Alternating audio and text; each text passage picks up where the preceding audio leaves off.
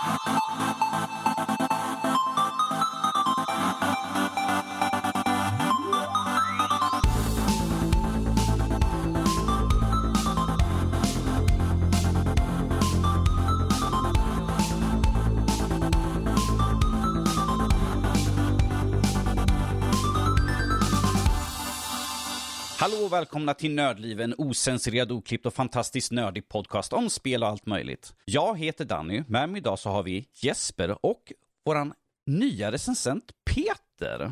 Hallå!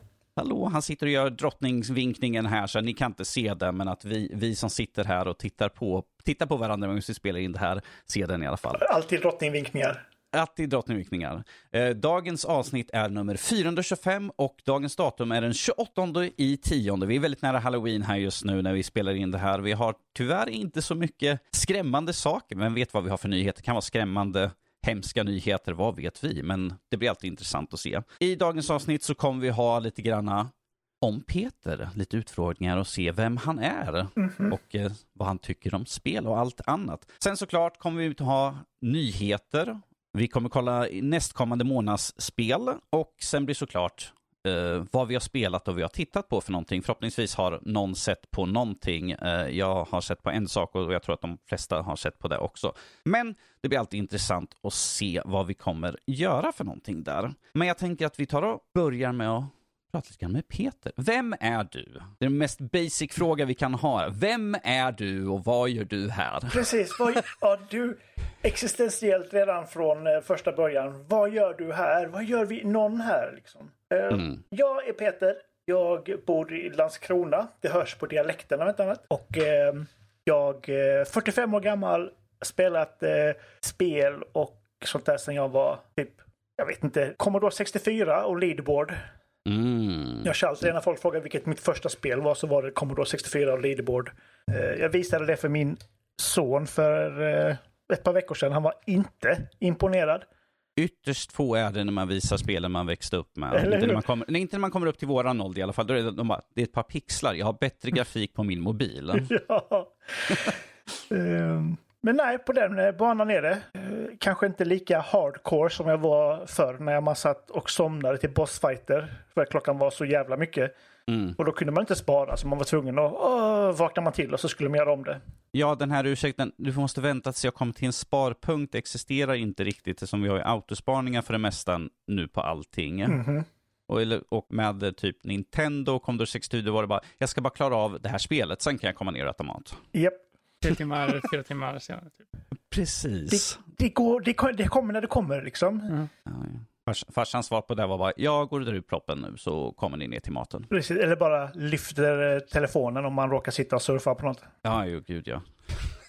Åh, Men det är ju sådana där eh, som, eh, som är fortfarande ytterst få som har den kopplingen nu för tiden. Du spelar upp ljudet av ett gammalt modem eller något sånt där. Folk bara, jag har ingen aning vad det där är för någonting. nej.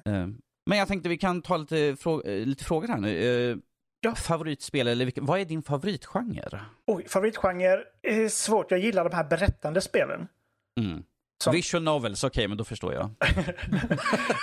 Eh, ehm, Detroit Become Human Mm. och Last of Us, självklart. Självklart. Och Last of Us var ju faktiskt väldigt ohotad etta fram tills jag spelade igenom Elden Ring för ett tag sedan. Det var många spel som hopp, fick kliva åt sidan när Elden Ring kom. Där. Ja, ja oväntad. Men, eh, men jag gillar den här berättande. Eh, What Remains of Edith Finch och Dear Esther. Mm. Ja, det finns ju väldigt mycket bra sådana spel. Det, det är ju det, folk brukar beskriva dem mer som cinematiska upplevelser nu för tiden än spel egentligen. Så Ja. att du, du är med och upplever en historia, att du är med och interagerar. Det finns ju några få val ibland, så där, men att det blir väldigt mycket mer cinematiskt. Ja, Vilket, vilket eh, förklarar varför vi har mycket sån här film baserat på spel. ja men precis. Som tyvärr aldrig lever upp till vad originalet är för någonting. Jag tycker att Last of Us kanske typ lever upp till vad originalet är. Det tycker jag också. Jag har fortfarande inte sett den. Men det är väl typ jag- den som gör det, egentligen. Varför har du någon anledning till varför du inte har sett den? Det finns väl Nej, inte? jag, är bara, jag är bara dålig på att kolla på saker rent allmänt så att säga. Men jag, jag har hört många som har sagt det. Bara, va? Hur ser Last of Us? Har du spelat spelet bara? Ja. Ja, men då behöver du inte se den. Jag skulle säga att den är bättre på att förklara berättande, eller berättelsen, alltså typ, alltså liksom och bygger upp grejer än typ spelet gör nästan, ärligt talat. vissa punkter del, liksom, eh, visar delar av liksom, eh, samhället och sånt som man inte får se i spelet som jag tycker leder till en liksom, mer, liksom, ännu mer gripande liksom, upplevelse. Precis. Ja, de måste ju gräva ner lite grann eh, djupare bakom eh, med, med tv och film för att man ska få den här kopplingen. Mm. Och det tycker jag de har lyckats bra med karaktärer som man inte spelar så mycket i spelet. Eller man inte eh, interagerar med så mycket i spelet. Som eh, får mycket tid. Och det gillar jag. Det gillar jag. Ja. Mm. Eh, intressant också att du välj, nämner då Elden Ring eh, med de andra två spelen, eller de andra spelen eftersom att det har så mycket eh, annorlunda typ av berättande om man säger så. Det är Ja. mer natur, liksom miljöberättande och mer liksom, eh, ja, lite mer subtilt eller så här anonymt på sätt. Ja, men det, det är ju det att man... Men hela, hela, ring, hela, hela ringen, hela spelet är ju bara så... Det, det är sån upplevelse på någonting Ja. som jag inte har upplevt innan på något sätt. Man kommer in och så är man där på ett annat sätt. Innan har man liksom hängt med och så är man på besök i någon, någon spelvärld och så fattar man att ja, men jag, det finns ju inte zombies och Last of Us och det tredje med det fjärde. Men Elden Ring hade en tendens att bara greppa tag i en och bara hålla en där. Jag, eh, ja, det, var något, det var något magiskt med det. Allting var connectat med varandra också. Det fanns liksom ingenting som var av slumpen gjort. Kändes det som. Nej. Om nu det är korrekt svenska. Nu är Ja, det det. men, Av slumpen gjort. eller ja, så här att något som man bara inte tänker på liksom. Så här. Så att Ja. man tänker på alla detaljer. Liksom. Precis. Om, om vi tar och tittar lite grann utanför själva spel. Ja. Vad, vad är det för något annat som eh, hobbys, fritidsintressen? Eller liksom, vad, vad har du annat för något som eh, du fyller dagarna med för du inte sitter och svär över en konsol eller vid datorn? Eh, min, min, där är faktiskt, mina svärdagar är eh, för det mesta över faktiskt. Eh, jag, jag var mycket en, en svärkille för när man spelade, nu ska ni få en liten historia. Jag lutar mig tillbaka. Jag lutar tillbaka, ta fram era popcorn och tänk er att ni spelar God of War, det första. 2 då? Och, eh, nej, inte så långt. det nya första. Ah, Okej, ja. Och eh, du eh, märker att alla de här Valkyrie-fighterna Mhm. får man ju deras eh, krona av och så tänker man men det här måste leda till någonting och så hittar man en stor sal där man kan lägga alla kronorna på ett säte och när man lägger dit den sista så blir man bara attackerad av The Valkyrie Queen. I grund. Jo, jo tack. Japp. Jag satt där med henne hur länge som helst. Jämte mig sitter en kompis. Han sitter i rullstol. Det är inte hans fel. Eh, Men jag ville välta ur honom, ur den här stolen. För han satt och bara oj, ah, där tog hon tag i dig du. Oj, oh, du skulle nog duckat på den. Aj, aj, aj, du körde den där ja. Aha, okej. Och då bara stängde jag av mitt i alltihop i bara ren frustration. Jag går och gör något annat! Ja, folk som sitter bredvid bilen liksom bara, "Ah, du skulle ha gjort så här istället. Man bara, Mm. här är kontroll. Bara, nej, nej, du, du är redan inne i det just nu så du kan få fortsätta. Så. Men eh, det var inte det du frågade. Nej. Eh, Jag eh, spenderar mycket tid på fotboll faktiskt. Jag är fotbollstränare och jobbar på en fotbollsklubb här i stan. Och det är väl typ 40 procent av dagstiden som går åt åt det. Och sen så spelar jag spel och kollar på, höll på att säga Netflix, men det kan jag inte göra längre. Eh, Så jag kollar väl på Disney plus Mm. och YouTube. Vad är det för åldersgrupp du har som du tränar då? Mina knattar är eh, 07 år, så de fyller 16 i år. De flesta. Ja, tack. Eh, jag håller med dig. Mm. Eh, det finns ju en del hormoner eh, i den här årskullen. Mm. Och framförallt då så vet ju alla allting oavsett. Vilket är toppen. Ja. Då slipper jag också ta de besluten. Vill den bara stå där och... Det Japp. Så. Men det är väl typ det som är mitt liv. Jag försöker få in lite rollspel här och där. Eh, går väl inte så bra som jag vill, men det går åt andra hållet. Har, du, har du någon favorit i rollspel? Är det, någon, är det gamla Dungeons and Dragons, drakar eller demoner? Eller någon... Jag gillar Svärdets sång. Mm. Eh, den här... Eh, den fokuserar nog eh, lite mer på... Det finns inte jättemycket magi i det. Eller inte så påtaglig magi kanske. Som i Dungeons and Dragons och Drakar och Demoner. Och jag gillar den här öppna världen där det finns egentligen ingen början och inget slut. Där man, man kör tills man dör. Det, det är mer upplevelsen då. Precis, det är upplevelsen. Upplevelsen, ja. Det är honom vi vill ha. Så, men Sveriges Song blir det mycket nu. Och som jag sa innan vi började spela in så råkade jag köpa Curse of Strahd till Dungeons and Dragons på Roll20. Uh, så att, uh, ja. Det, det, där råkade köpet måste göras med väldigt stora kaninöron, måste mm. jag ju säga i så fall. Uh, jag hade gärna gjort det, men jag håller på att dricka teröd så jag kan inte använda båda händerna. Om ni bara kunde se när han sitter och dricker sin teröd här just nu. jag är lite nyfiken. Finns det något spel som du inte har spelat men du känner att jag borde ha kört det här spelet? Eller något spel som du har hört väldigt mycket om? Mm. Alltså, för tillfället så skulle jag vilja säga Alltså egentligen nej, men eftersom Alan Wake släpptes för en kvart sedan, tvåan, så vill jag ju säga mm. Alan Wake 2. Men det har inte funnits så mycket tid att spela det ännu. Men annars så tror jag nog inte att jag har något sånt. Jag bara, oh, det här borde jag ha spelat. Det tror jag nog inte. Mm. Oh, Alan Wake 2. Jag är bara så besviken att det bara släpps digitalt.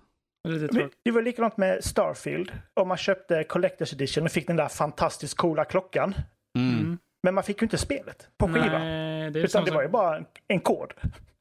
Det är jättemånga som köper den nu. Typ, bara, man får, liksom, jag tror att Spiderman 2, den här stora feta Venom-stin som man fick, fick man bara också en kod och typ God of War Ragnarök bara också en kod. Och... Så, men, men sänk priset med 4 000 kronor då så folk har mm. råd att köpa det. Ja. Det, här, det är ju något som jag brukar säga väldigt ofta. Vi får ju se att spelindustrin går längre och längre åt hållet med digitalt, enbart digitalt. Mm. Eh, som vi har sett med de nya konsolerna och sånt där. Den, eh, den här eh, eventuella Xbox-konsolen som de visar upp som var bara digital. Ingen, det fanns ingen sån här både, antingen eller med diskläsare. Vi fick ju de här Playstation Slim där du, du kunde ha till en mm. diskläsare. Um, men att jag, jag, har alltid sagt så här att men ifall du ska sikta på digitalt, dra ner på priset så kommer fler folk köpa det. Men för du tar samma pris digitalt som fysisk utgåva, då går ju såklart att köpa en fysisk utgåva, för den kan jag låna ut till någon istället. Ja, så behöver inte de köpa den. Ja, samma. precis det också. Playstation-spel till exempel, jag vet att uh, Spiderman och sånt, det kostar ju typ 850 digitalt medan de kostar typ 799 i butik, så det är ju... det är så rimligt tycker jag. Ja, okej. Okay. Ja, ja. Mm. Um, du, du har ju nu påbörjat, hur, vi tar den här. Ja. Hur känns det att vara här i Nördliv nu och få uh, bli påslängd alla möjliga udda roliga spel? Nej men det är jättekul. Uh, dels så är, är, ni är ju ett fantastiskt gäng. Man känner sig så väl, inte du. Jag tittar på Jesper. Du tittar på Jesper, okej. Okay, okay. För, förlåt, jag skulle blickat åt det hållet. Um, nej, men det är ett fantastiskt gäng och man känner sig väldigt välkomnad. Och, och sen det där, man, man får ju upp blicken för spel som man inte hade tittat två gånger på annars kanske, eh, som, som man recenserar. Men ja, så det, kommer det, blir, det blir ju ofta så att eh, kan du, vi har, vi har det här spelet liggande, kan du bara ta det? Ja. Och det, det, det kan ju vara toppen ibland. Och mm. Eh, sen så får man ju spel som man kanske bara, okej. Okay. Och så måste man vara objektiv.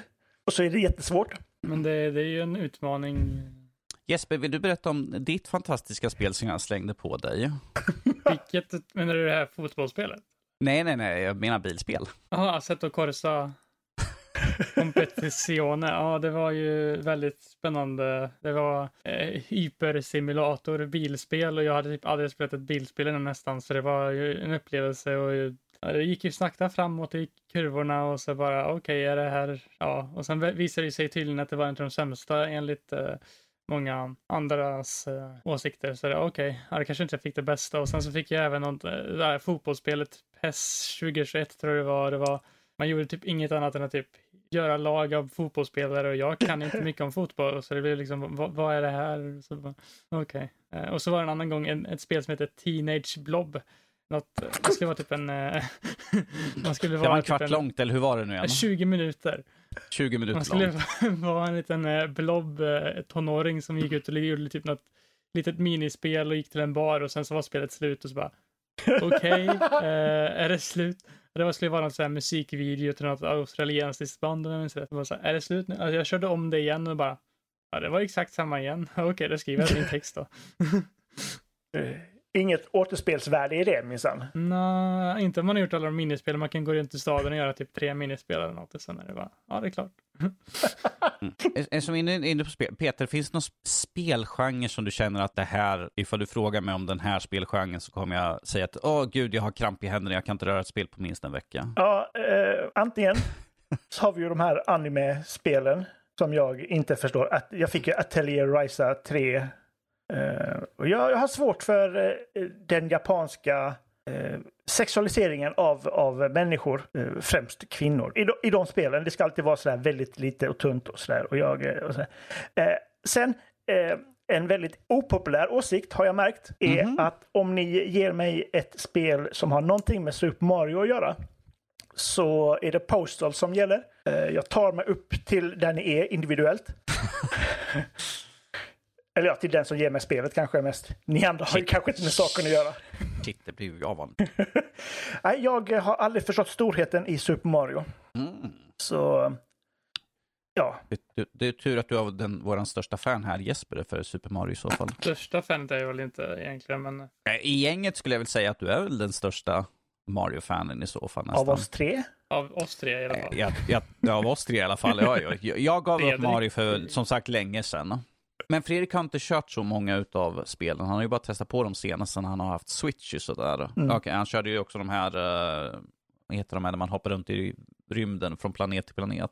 På Mario Wii. Galaxy. Mario Ja. Galaxy, det var ju typ där han började mer eller mindre med Mario. Ja. Det är, vilket är intressant, för Fredrik kan börja på de spelen som jag inte har rört för fem öre. Jag hade allt från NES, Super NES och så. Så det är de spelen, N64, det var typ de spelen, och sen slutade jag. Ja. För att det var liksom såhär, nah, ja. Jag har ju inte jag kör vidare på min mer Xbox. än DS och Wii och framåt egentligen. Jag har inte kört så mycket mer än han egentligen tror jag. Det... Ja. Så släng spelen på Jesper och inte på Peter. Generationsgrej då kanske. Ja, jo, det är det väl för mig. Men... Eh, Spelade ju eh, trean när det kom såklart för Ja. det var en komp eller min kusin hade ett Nintendo och det var ett spel.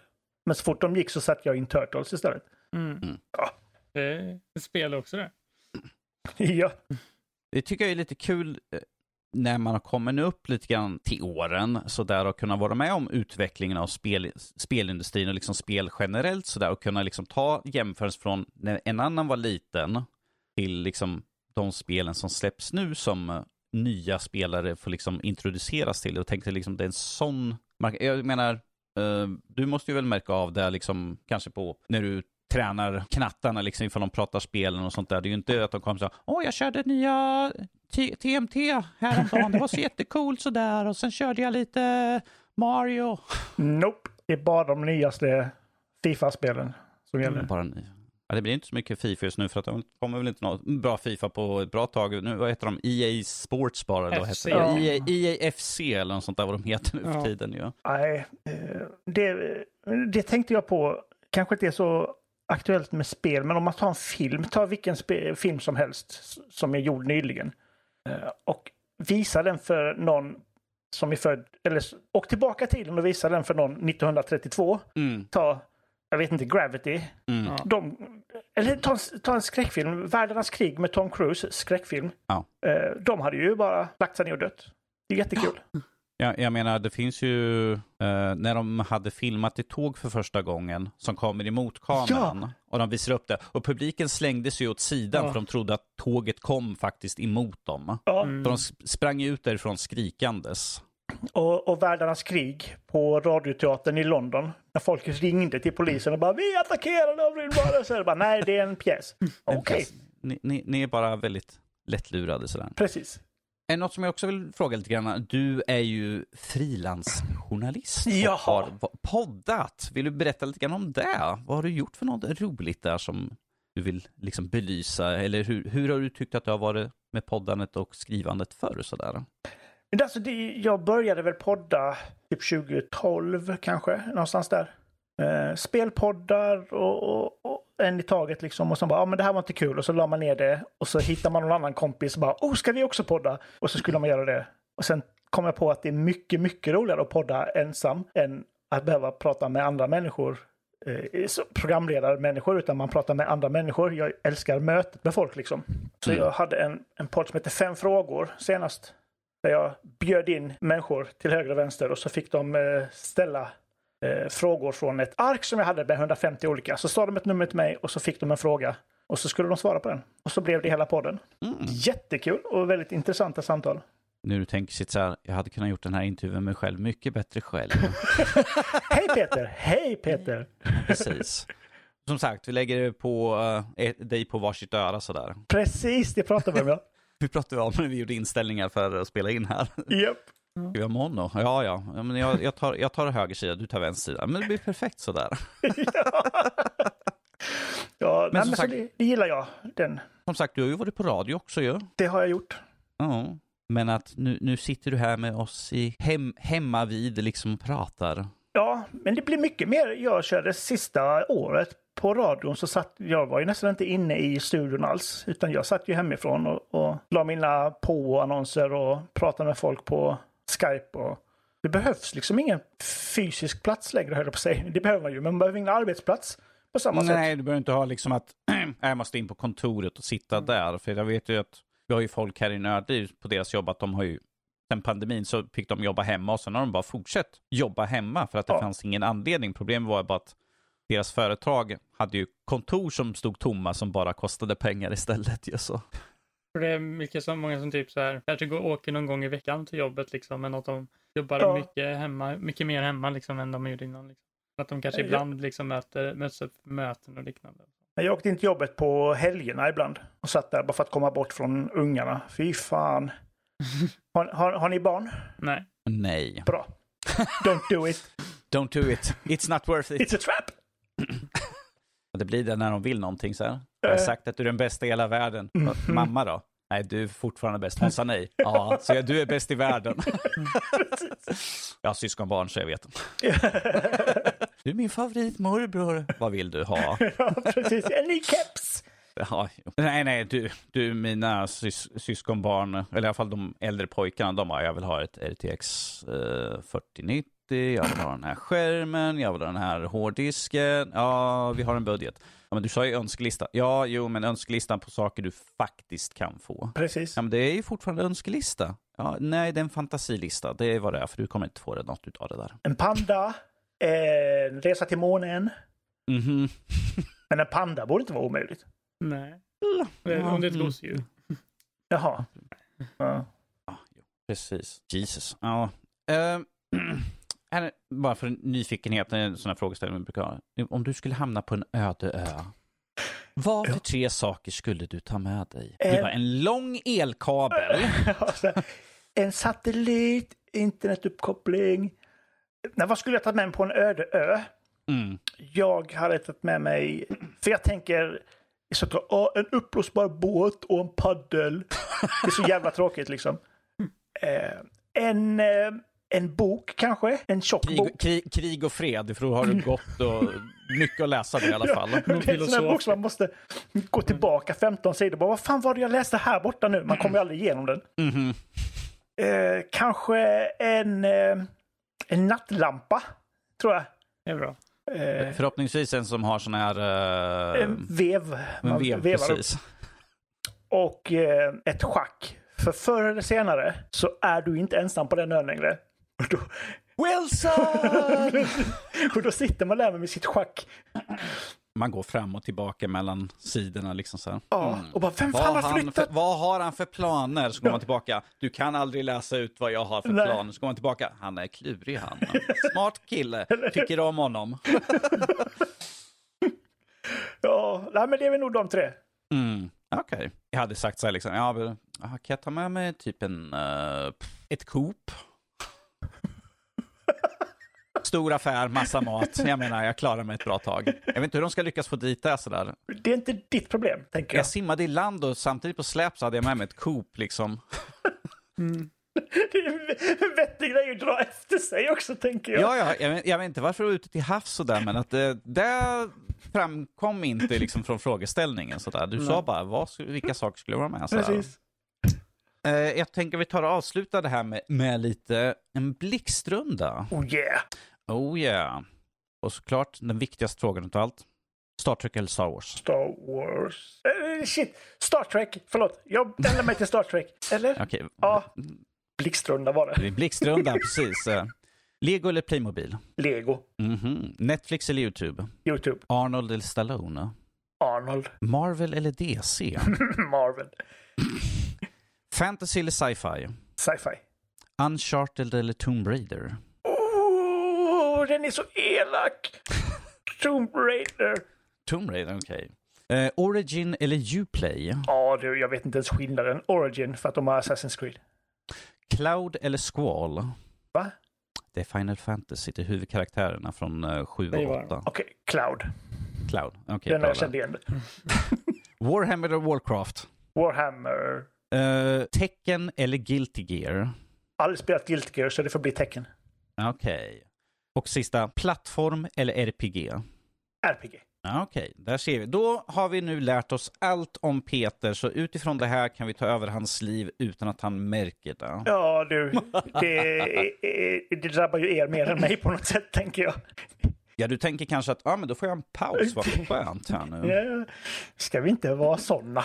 Men ja, Kan jag gå och ta en paus i min källare med alla folk jag gömt i bur, eller hur var det nu? ja, nej, sovrummet. I sovrummet, precis. Det är Folk någonstans. kommer, vara så, folk kommer vara så frågande. De bara, jag har ingen aning vad som händer. Nej. Men det är helt okej sådär. Men vi kan ju hoppa över lite grann till nyheter. Är det någon som känner att de har en nyhet som brinner som de så gärna vill få upp så fort som möjligt? Liksom, det här är viktigt, det här måste vi prata om. Jag ser inga händer i luften här nu Jag kan väl ta en då. Ehm, Kan, om, om jag tjatar så eller? Ja. ja. Eh, Okej. eh, ja, vi börjar med den här då. Insomniac Games eh, vet du, eh, släppte ju precis Spider-Man 2 då, eh, till Playstation 5. Och de har då blivit intervjuade, deras director Brian, om, en kop- om, det, om Wolverine, det nya spelet som de kommer släppa härnäst, är kopplad till Spider-Man 2. Eh, Mm. Och tydligen så ja, det är kopplat till Spider-Man 2, det utspelar sig i samma universum. The Earth, ska se, ja, Earth 606, 606, eller vad fan är det för någonting? Jag kommer inte ihåg. 616. Ja, eh, ja, eh, nej, eh, Universe eh, tw- eh, 1048 heter det. Nej. Eh, Och ja, så Ma- Spider-Man 2 och det nya Wo- Wolverine kommer utspela sig i samma universum i alla fall. Då kan man kanske förvänta sig lite kopplingar i Wolverine där mellan Spider-Man 2 och Wolverine. Lite crossover kanske senare Ja. också. Eh, Ska jag gå till en annan nyhet också kanske? Ja, kör på. Eh, Nintendo ehm, chockar eh, vet du, sina tävlingsfans, de som tävlar i Nintendo-spel med en ny community guideline som folk har blivit helt förskräckta över. Eh, och det verkar ju då som att ehm, de kommer förhindra alla, eh, de måste, man måste ha en fee då eller så här någon, ehm, ja, en, eh, en summa pengar att betala om man ska ha en eh, eh, turnering över 200 deltagare i, eller ja, 300 för online-turneringar. Eh, organisatörer får inte någon kompensation från tredjepartssponsorer eh, och kan inte sälja mat och sånt, och merch på sina eh, tävlingar. Inga, inga priser får gå över 4 500 dollar. Inga spekta, spekta ja, det är massa sådana här grejer som gör att Nintendo... Jag, jag hör extremt många restriktioner som Ja. gör att ytterst få kommer vilja ha turnering eller något sånt där. Ja, det är det ah, som är problemet. Eh, Och de kommer ju liksom, det kommer ju även gälla på liksom eh, små turneringar, liksom alla kommer bli, eh, de kommer leta upp liksom och kolla över det så att det, de liksom följer sina guidelines. Så det, det är väldigt, liksom så här, jag tycker, fattar inte riktigt varför de kommer på med det här just nu liksom. Eh, det känns väldigt random att de bara helt plötsligt ska ha massa restriktioner för deras spel, men ja. det, det, det, det, det kommer ju bara minska som sagt lusten för folk att göra turneringar på deras spel i så Ja. fall. Jag tycker det är väldigt märkligt och speciellt då Smash-communityt har ju blivit väldigt eh, sura på det här. Speciellt de som spelar sig för Smash Bros. Melee då, det här eh, det äldre GameCube-spelet som fortfarande har en tävlingsscen eftersom att det spelet kommer inte stödjas alls enligt de här guidelinesen och det kommer inte liksom, ja det kommer inte kunna komma vara några officiella turneringar alls om jag fattat det rätt. Och det har blivit ett, ja det är ju en jättestor scen. Hur ska det då, hur ska den scenen då leva vidare? De som lever på det liksom. Och ja, det den korta, tråkiga svaret är att den kommer inte göra det alls. Nej, Mm. så det är, ja, Nintendo fått lite motstånd där från eh, fans av eh, olika spel och det finns ju, jag vet inte hur många andra spel de har, de har ju typ Splatoon och Mario Kart och sånt också som har lite tävlingar i med, det är ju inte lika stort som Smash i alla fall, men ja, det jag fattar inte riktigt grejen med varför de ska göra det här, men det är i alla fall någonting nytt så om du tänker anordna en Smash eller Mario Kart eller Splatoon eller någon, något Nintendo-spel, någon turnering med det, så håll ögonen på den här guidelinesen som nu har kommit ut med Nintendo. Eh, jag vet inte om de här trädde i kraft. De utannonserade det här i 24 oktober, så jag tror det var typ fyra dagar sedan då när vi spelar in det här. Jag vet inte mm. om det har trätt i kraft än, men ja, det verkar som att de kommer, ja. men är, ja. Är det en sån där grej att de, eh, men om ni betalar 2000 dollar i anmälningsavgift så får ni eh, höja prissumman till någonting mer eller alltså? Eller de bara hugger det utan det, det var ju någonting man, man kan betala för att få mera liksom eh, entrants eller vad så här, mm. mm. deltagare kan man betala för att liksom ha mer, högre liksom cap på det.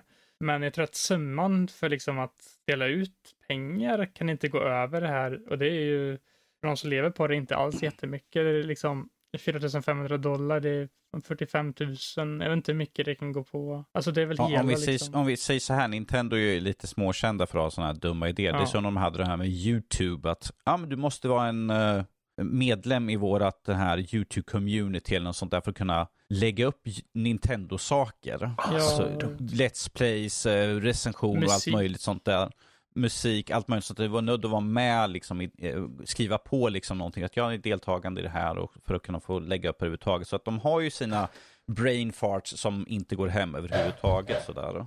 Förhoppningsvis tar de och ser, precis som Unity ser responsen och kommer backa alla steg de lade fram, mer eller mindre. Ja, det måste de ju göra. Ja, jo, men det kommer, de har, det är inte första gången de har gått på liksom, de har ju cancelat massa turneringar och sånt över höger och vänster och grejer innan, men det här är ju en helt annan grej att de inte låter. Ja. ja vi får se hur det här går. Det, det kan ju ha någonting, ja, om jag spekulerar lite, att det kan ha någonting med att Nintendo nu vill kanske dämpa liksom spelarbasen i deras spel för Nintendo Switch och tänker att det kanske ska ändra om igen nu när det kommer nya spel till eh, nästa konsol eller någonting. Att de, ja, vi, vi släpper bara deluxe-utgåvor på de här spelen, typ Smash och en till deluxe-utgåva av Mario Kart eller någonting. Så bara, de här versionerna, de kan ni köra med hur ni vill. Men jag vet inte. Ja, det... Ni ser inte, jag sitter, jag sitter bara och skakar på huvudet. Det är helt oförstående hur de tänker. Man vet inte hur Nintendo tänker ibland. Deras, uh... nej, nej. nej. Det, det, är tråkigt. Ja. uh, om vi tar en liten godare nyhet för de som är fans av Dragon Quest Eh, Eh, och specifikt um, har varit intresserad av att spela MMO-spelet uh, eh, som först från början kom på Nintendo Wii, uh, som bara släppts i Japan och fått uppdateringar lång tid och även fått en offline-version nyligen. Kanske inte behöver vänta så mycket längre innan det kanske kommer till väst, för det verkar som att Dragon Quest X offline ska komma till Asien 2024 Playstation 4, Playstation 5 och PC som är områden som Kina och Korea. Och eh, det, det, skulle ju då enligt det här ryktet eh, kunna innebära att ja, det kanske kommer komma här till västvärlden också om de har något japanskt eller liksom så engelskt språkstöd i dem för att ja, det är ju andra språk och sånt. Så det skulle kunna vara så att de släpper det här spelet då i väst Eh. Mm. Men jag menar, de har ju så mycket olika spel som enbart är släppta där borta i kanske några stora serier, Dragon Ball till exempel. Ja, Dragon Quest är det. Dragon Quest, Dragon Ball som de har, som är bara exklusiva i Asien, så de kan bara liksom slänga på en engelsk översättning och ja. släppa här ju. Ja. Vi har ju sett flera spel som nu för första gången kommer till väst, där som säljer som smör. Jo. Hit med, hit med dem bara, det är väl inte så svårt. Typ Live Alive som de släppte förra året på Nintendo Switch. Uh. Mm. Det kom väl till, eh, jag tror det var bara Japan i typ NES då, eller SNES med Och så sålde det ganska bra ändå på Switch och på PC tror jag det kom till sen. Så det, de har ju en marknad för att släppa om det liksom i väst. Mm. Så att jag tror att, ja, förhoppningsvis betyder det här också då att de kommer släppa eh, den här offline-versionen i alla fall. Offline-versionen är då inte MMO utan det är ju en omgjord version som är samma story och sånt fast det är på eh, en offline-version då som är utan online-delarna. Ja, det var väl mm. de tre nyheterna jag hade i alla fall. Det var ganska tomt idag. Har du något? Inte varje dag, utan under veckan. Som sagt, ja. vi satt och skämtade när vi satt och kollade liksom vilka nyheter det var. Liksom så här, ja, men vem vill inte göra en uh, Tetris-våffla? Uh, Precis. det var typ en nyhet som fanns. Ja. Man bara, yay, det yay. är nyhetstorka sådär. Men uh, har du några nyheter Peter? Som... Jag har två stycken jag skulle kunna dra lite snabbt här. Du kan göra det. Mm. Eh, för jag eh, personligen som är en väldigt stor fan av Daredevil på Netflix mm -hmm. och eh, de efterföljande där, eh, Punisher, John Bernthal, är amazing. Eh, tydligen så sparkade de ju alla i det teamet för typ någon vecka sedan. Eh, Men nu har de anställt nya som ska ta över och det är inte mindre än Dario Scarpadane som har jobbat på Punisher bland annat. Och eh, Justin Benson och Aaron Moorhead från Loke. Mm. Då pratar vi alltså om Daredevil Born Again som ska komma. Var, varför, varför inte bara hyra in hela teamet som gjorde Netflix-serierna för? Jag förstår inte. Nej, men det, det är ju kul idé. Det blir ju samma sak. Den här ska Ja, tydligen vara det, det är mörkare. det och- folket vill ha. Folket vill ha fortfarande vad vi fick i säsong ett ju. Ja, jag tycker... Om, om, om vi tittar på trenderna, hur det går med deras serier på Disney Plus och allt sånt där, så är ju inte det um, det går inte kvali uppåt. kvalitet så att säga, utan det är mest det att ja, men jag ser på det bara för att Det det, har gått kommer lite ut. uppåt nu med den senaste som har kommit. Men annars Ja. överlag Ja, så jo. har det varit väldigt svajigt om man säger så. Det. Disney har inte släppt någon superkvalitet enligt min åsikt. Nå, Fortfarande min åsikt, så jag får tycka precis vad jag vill. nej, jag, jag känner lite, lite samma. Nej, men som, Ja. Om vi tar She-Hulk som var en katastrof ur ett eh, CGI-perspektiv. Sen tyckte jag den var ganska charmig, eh, själva serien, men det gick ju inte att ta den på allvar Nej. överhuvudtaget. Jag tyckte att den första typ episoden, eller första typ två, tre episoderna tyckte jag ändå, ja, det här kan kanske vara någonting, men sen bara, nej, jag vet inte om vad jag tycker om det här längre alltså. Nej. Vilket är synd, för ja, den kunde varit så bra. Ja, det är liksom ett unikt koncept med lite mer komedi. Ja, när, när hon, eh, vad är det sista avsnittet, får man spoila grejer här? kliver ut mättavärlden Ja, så att säga och, och, och går ner liksom i. Mar Marvels eh, källare för att hitta eh, Feige. Feige-datorn. Ja, jag tycker det är fantastiskt. Och så bara, ah, ja, jag vet inte. Mm. Men eh, Daredevil Born Again, lite skitigare, eh, lite mörkare, lite mer våldsam. What's not to like, liksom. Det är ju samma sak med Blade-filmen Ja. som komma skall. Att, ja, vad heter han som spelar, ska spela Blade? Mahershala Ali. Ali, precis. Mm. Han var ju tydligen jättemissnöjd med serien. Och det är ju inte första gången nu de, de tar och börjar om. För första gången när det kom ut med det så var det typ, ja, det var typ en strid eller något Var det sånt inte där. någonting med Ezra Miller eller någonting i- i den serien? Ezra Han var Miller? inte med. Nej, vem var det som... Nej, nej, han, han, han är ju The Flash. Jo, men var inte Ezra han med i Miller. Blade också? Nej, kanske inte var. Nej, inte vad jag vet om i alla fall. inte. Jag skulle bli hö- högst förvånad ifall de vill ha med honom där, för att han, han drar ju inte till sig folk direkt för fem öre ju så. Nej, just, ja, det var någonting med att de hade, ja, just det, det var ju det att de hade utannonserat det väldigt, väldigt, alldeles för tidigt också. För att de utannonserade ju Marvel-grejer i typ, vad var det, konkreta datum för 2025, 2022 liksom. Va, va. Ja, Nej, det här kommer inte funka. Det kommer att skjutas upp, helt klart. Det är ju massvis som har skjutits upp just nu. Ja. Eh, Det är strejkerna Jag mycket också. Ja. Det är mycket av strejk. Eh, För just nu är det ju bara skådespelarna som är ute i strejk just nu för att uh, manusförfattarna eh, fick ju igenom ett temporärt eh, förslag som de har där. Medan uh, skådespelarna fortfarande är och jag har för mig att det senaste jag hörde var att studiosarna gick ifrån förhandlingsbordet. Mm. Det innefattar ju då alla. kan, ja, jo, som skådespelarna fick bara sitta kvar och bara, jaha, nej, okej. Så vi, mycket skjuts ju nu fram. Det var något som jag såg som sköts upp till 2025 någonting sådär. Man bara, de flyttar ju nu verkligen fram för att, eh, eh, åh, vad heter den? Jag har också sett det, men jag glömt av vad det var. Vad sa du? Jag har också sett det, för jag känner igen det, men jag vet inte, inte jag exakt vad det var. Stort. Vad heter den? Merc with the mouth. Deadpool. Deadpool blir ju uppskjuten också ju nu för att eh, den skulle ju komma ut i sommaren. Men att den blir ju också uppskjuten en lång tid framöver som, väl, du kan inte spela in någonting. Mm. De kan skriva massvis med manus och sånt nu sådär, men att det hjälper ju inte när du inte har någon käft som står på scenen och säger de orden. Nej. Det blir lite svårt. Ja. Ja, nej, eh, vi kommer ju... Jag tycker det var kul för jag satt och lyssnade på, på, eh, på YouTube där de pratade liksom bara att vi kommer nog se väldigt mycket gamla filmer på våra biografer. Jag bara, det har vi haft jättelänge. Vi kallar dem för klassiker. Vi har jättemycket filmer som är så.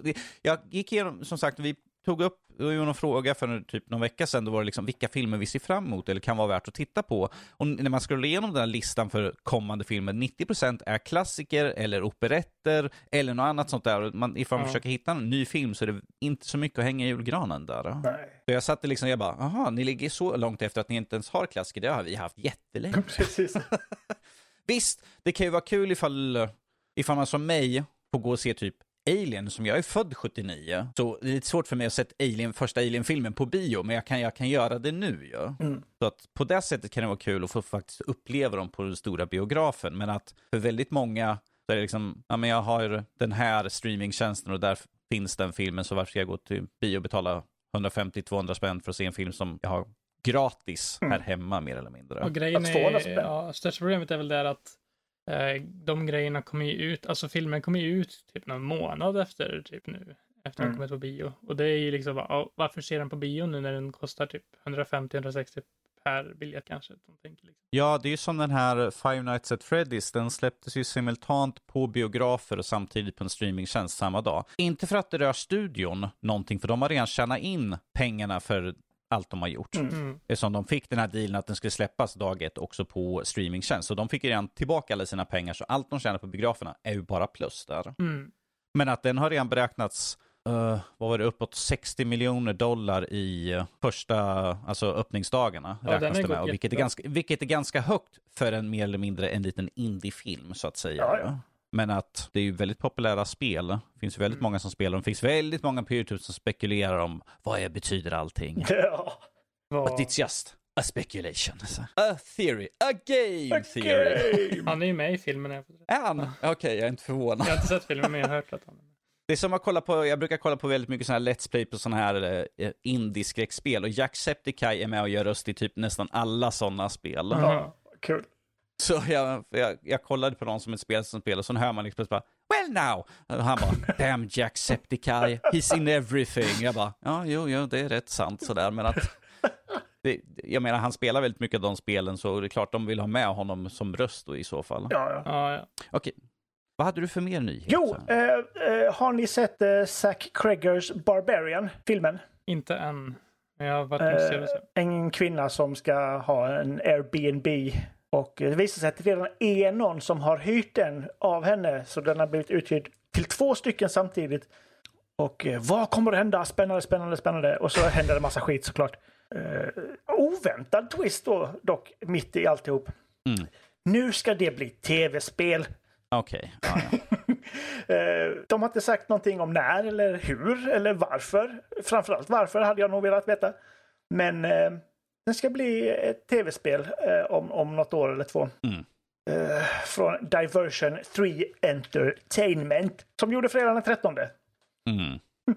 Yay. Är det mer sån typ av spel och liksom ett multiplayer? alltså förmodligen. De gjorde ju också Evil Dead The Game. Och det är ju samma sak där va? Eller?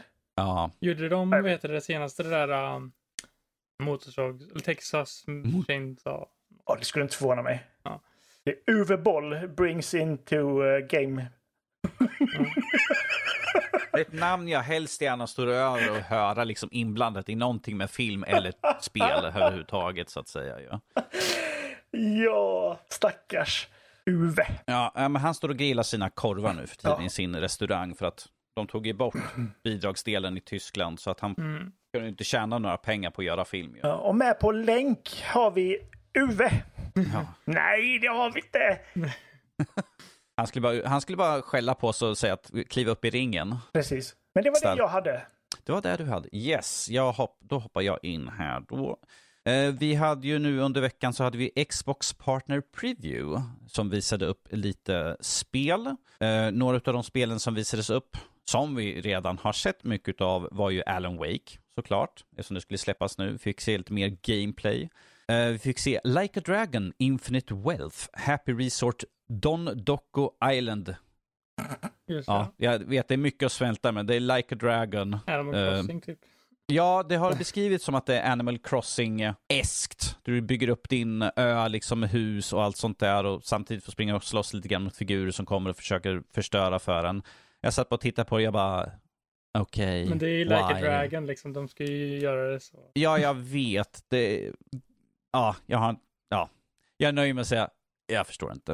Eh, vi fick ju Ark Survival Ascend. Eh, jag såg inte till eh, Vin Diesel någonstans i hela gameplayet och trailer och sånt där. Han var ju den största som syntes när han red på en dinosaurie liksom första gången det visade upp. Jag bara, ja, Ja. de hade bara råd att ha med honom där. Ah, ja, okej. Okay. Manor Lords visades även upp och det fick ju ett releasedatum. Um, vilket sen, jag tror att det visade att det bara var ett sånt här early access då på det.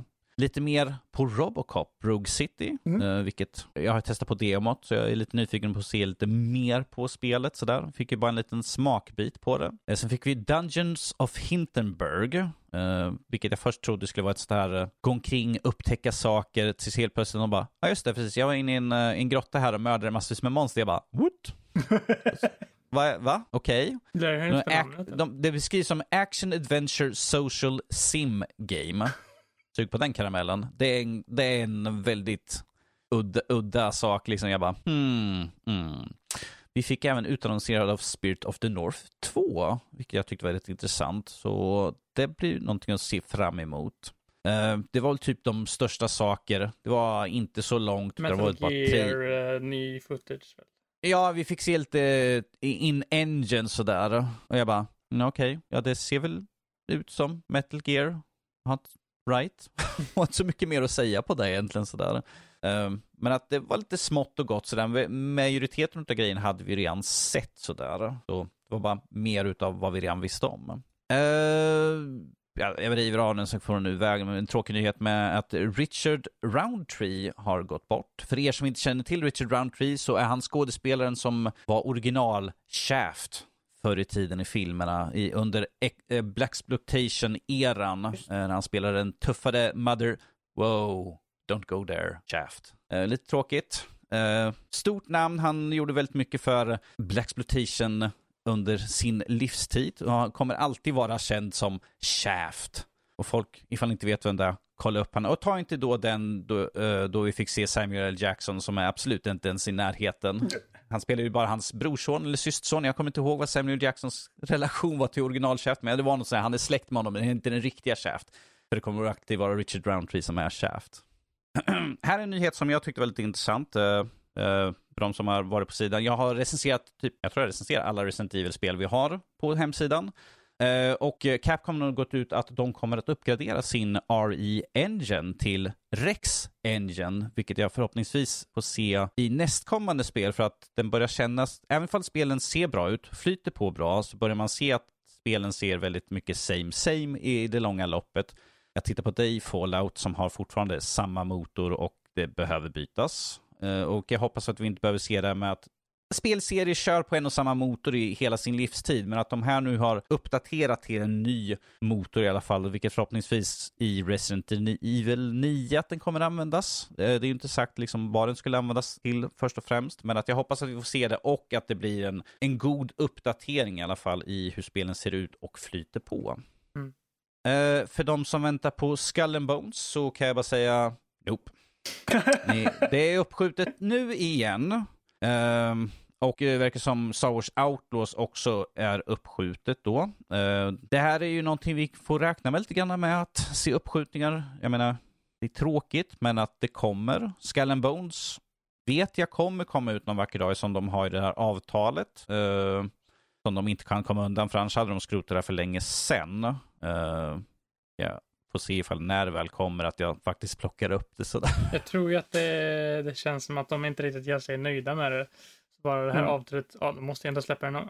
Vi skjut- skjuter väl lite på det så att vi kan slippa tänka på all backlash.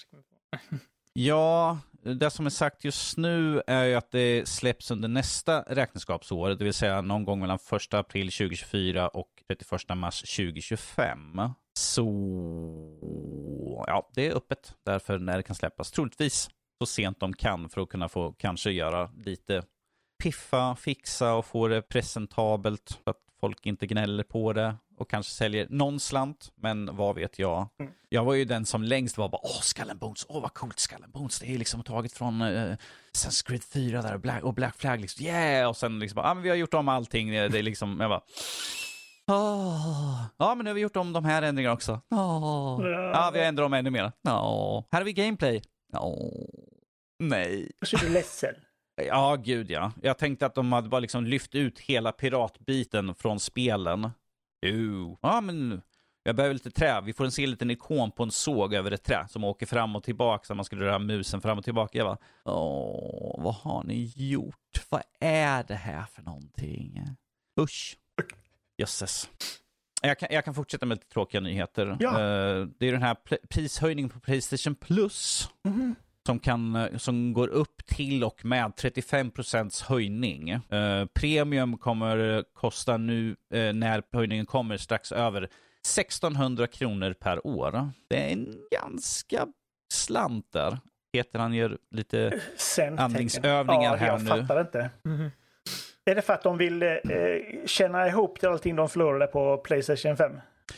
Det, det intressanta är att de nu har sagt att de kommer gå med ganska god vinst här nu för att nu finns det ju ingen brist längre så att Playstation 5 kommer ju klämmas ut. Samt att vi har ju fått dem att de här slimversionerna finns ute på marknaden i USA och kommer väl komma sakta men säkert hit. Vilket de räknar med att folk kommer vilja införskaffa då. Och nu som sagt, eftersom det inte finns några begränsningar kan de ju bara pumpa ut dem och de som inte har köpt från scalpers scalpers. De går med som förlust, de måste sälja av alla som de köpt upp. Åh gud, jag måste vara skratta Men att just nu så kan ju de bara pumpa ut eh, konsoler och liksom mätta marknaden mer eller mindre. Till, tills det liksom, de står bara för att, de, för att folk har dem redan. Mm. Mm. Men, men de sa att de, eh, att de ville justera priserna för att liksom matcha marknaden, liksom med hur mycket allting kostar. Eh, jag- kan ta en jämförelse, vi fick samma sak här i, där jag bor, liksom med Öbo, vår hyresgästförening, de- att de kom att ja, men vi kanske vill höja med 10% för att det liksom, kostnaderna går upp och allt sånt där. Och jag bara, ja, men Gör ni verkligen så mycket att ni förtjänar de här pengarna? Jag ser knappt ingen som kommer att göra någonting. Hur mycket mer kostnader är det för era tjänster? Ni har en infrastruktur, ni har en allt som funkar där. Vad är det som kostar? kostar? Det är inte direkt att eh, serverbankerna helt plötsligt går upp i pris jättemycket. Så vad är det för något som är de höjda kostnaderna måste höja 35% på en Nej. tjänst? Eh, Allt ska vara svart i boken. Ja, jo, banne mig. Mm. Men, men, för de som har Playstation Plus, jag har fortfarande inte haft någon, sett någon anledning att införskaffa det. Eh, Jag har, jag har bara Game Pass. Jag har inte sett någon anledning att skaffa Playstation Plus uh, än så länge. Ifall det, ifall det kommer något riktigt intressant så kanske jag ska fundera. Men när jag ser de här priserna då blir jag lite så här, jag bara... Jag ser inte fram emot när uh, Game Pass uh, prishöjningar kommer och hur många procent det kan vara på. Mm. Mm. Men det har han ju flaggat för. Lille Jo, jo, Phil. han sa, jo, Men visste inte när. Phil, jo, Phil Spencer har ju redan sagt det, att det är oundvikligt. Mm. Eh, men för, för deras skull förstår jag, speciellt med, som sagt, Activision Blizzard-affären just nu, så har de ju lagt ut x antal kronor. Så att de behöver ju tjäna in lite mer pengar och ifall du har folk som är på Game Pass så tjänar de ju inte enskilda spel sålda utan att du betalar bara för en månad och kan spela allt på deras bibliotek för en liten klumpsumma. Så att de måste ju höja kanske för att kunna Mm. kompensera för de pengar de har lagt ut på de pengar de förlorar inte sälja. Mm. Ja, ja. Förutom till eh, Playstation då vill säga. Ja. Alla Call of Duty och alla deras andra spel, Diablo och sånt Mm. som komma skall där. Ja. Ska vi se här. Eh, Här är ju också Super Mario Bros Wonder är Europas snabbaste säljande Mario-spel någonsin. Är det någon som är förvånad? Nej. Ja. Vem spelar de spelen? Jag vet Vem inte. spelar ens Mario? Ja. Nej, ja, ja, ja, jag har inte heller spelat, men jag är inte superanti. Eh, och i Japan var det samma sak, eh, där de såldes 638 000 exemplar på bara tre dagar. Det är ganska snabbt sådär. Ja.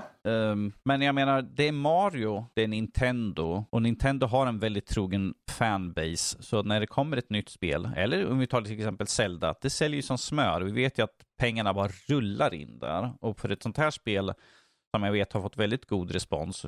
Jag vet att Jesper, du har ju kört klart spelet. Så du, du, och du hade ju förhandsbokade, så vi såg ju snabbt att du är en del utav, eh, enligt Peter, problemet. nu lägger du ord i munnen på mig, men jag Ja. håller med. Ja, jag lägger ord i munnen, parentes, men jag håller med. Fredrik också då. Fredrik. Ja, Fredrik, Fredrik har ju också spelat spelet och kört och han har ju också liksom, ja, jo, det här är ju väldigt, väldigt väl sådär. Eh, här är ju något som har fått lite kritik. Eh, eh, det här är ju då med de nya Playstation Slim och eh, de har ett krav att ifall du har en Slim utan men sen köper till dig en eh, skivläsare så måste du koppla upp dig online för att ansluta den till. Mm. Och jag ser inte riktigt problemet. Och jag har läst kommentarer som eh, jag håller med, som var min tanke också, att ifall du köper en slim, icke-digital, och sen köper till en skivläsare, då bör du ha ett bra internet för att du kommer vara nödd att ladda ner alla spel oberoende. Jag menar, även ifall du köper på skiva, måste du ändå ta ner första patchen, vilket mer eller mindre är typ hela spelet vanligtvis. En patchad version, så då måste du ändå ladda ner x antal gig. Så varför gnälla om att du måste koppla upp till internet för att plugga in din skivläsare? Du har redan internet i så fall.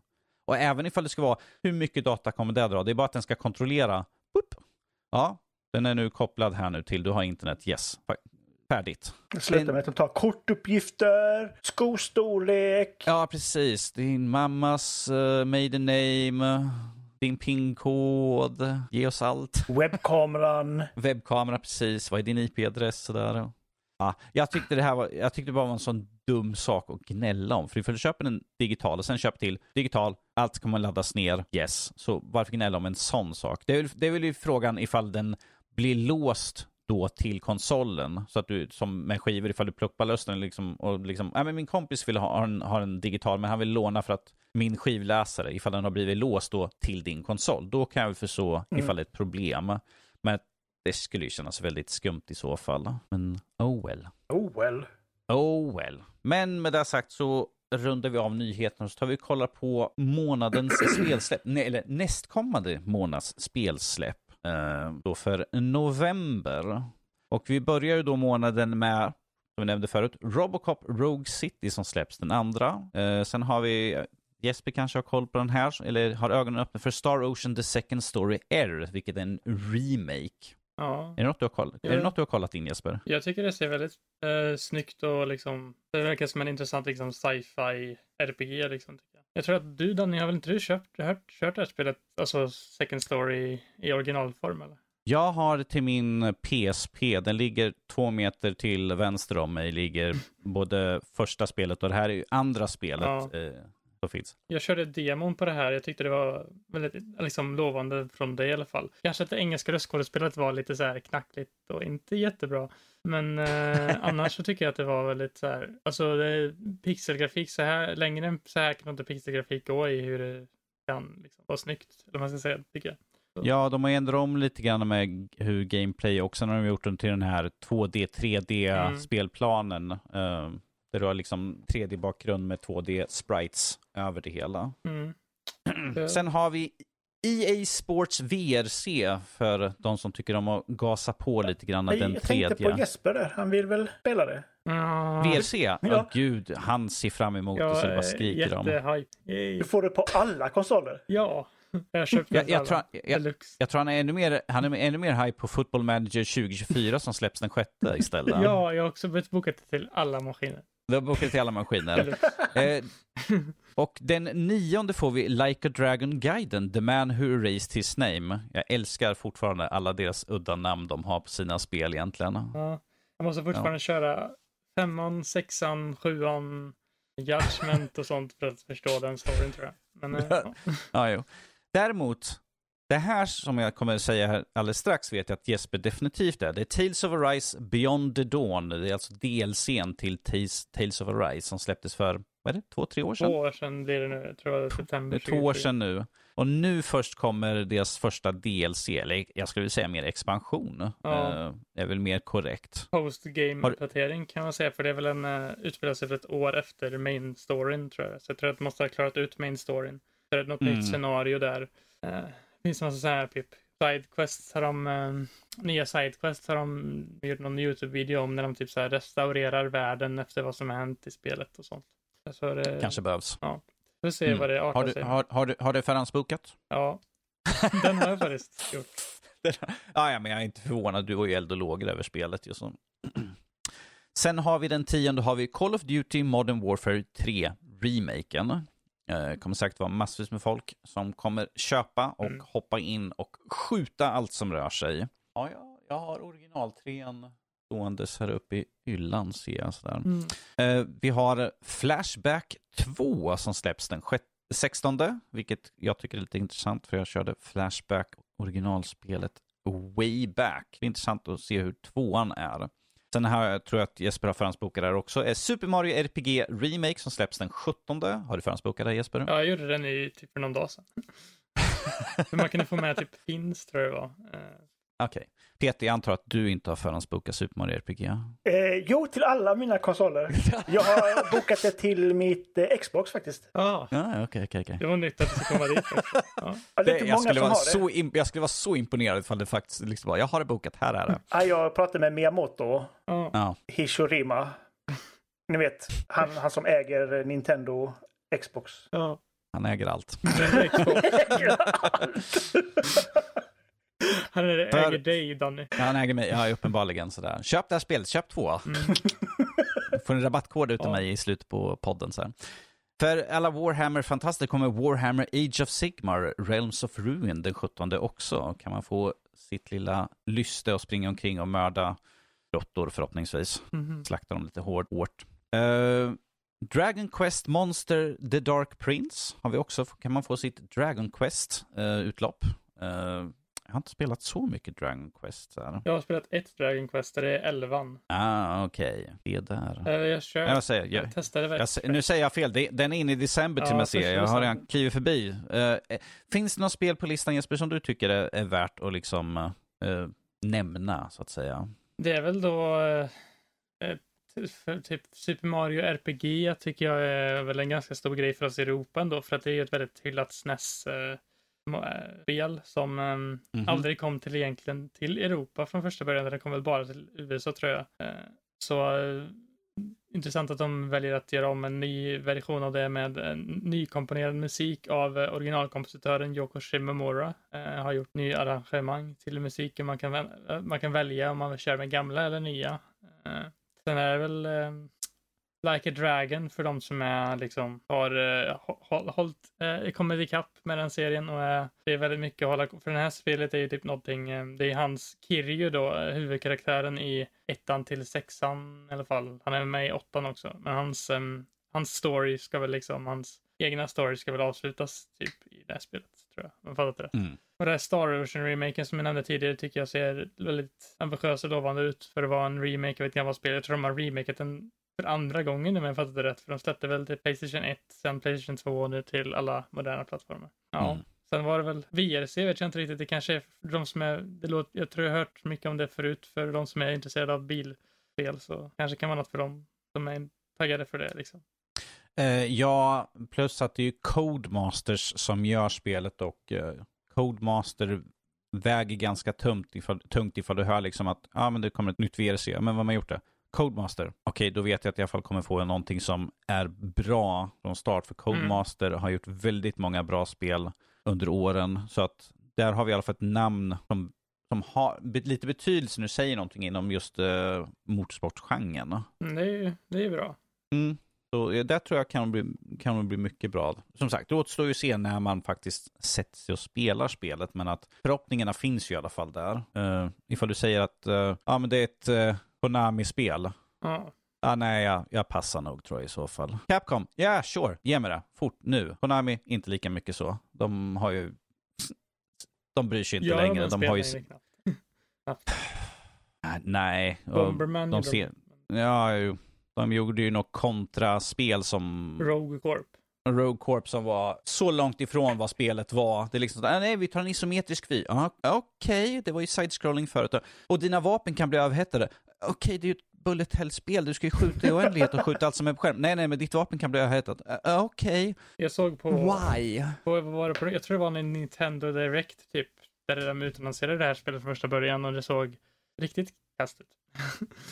Eh, men ja. Ja, eh, vi, vi, fick, vi fick ju förfrågan om vi ville ta in spelet har jag för mig och det var liksom så här, mm, nej, nej, nej. Egentligen hade det varit kul att kunna såga ett sånt spel som går så långt ifrån vad originalet är Mm. egentligen. Så, men det är som jag säger, att, det är som jag har sagt nu också att jag bara, jag vill nästan testa Gollum-spelet bara för att se hur dåligt det här spelet är. Jag skulle kunna sitta med några stycken liksom i rum i ett samtal eller någonting och bara streama eller spela det tillsammans och bara typ, ja, skratta tillsammans kanske då. Ja, precis. Jag menar, puh, Jesus. Men man Det- behöver det köpa det fick- själv då också, då kanske jag tar emot lite då. Stöttar det. Du skickar någon som köper det åt dig. Det där, Ja. Bulvan. Ja. Mm.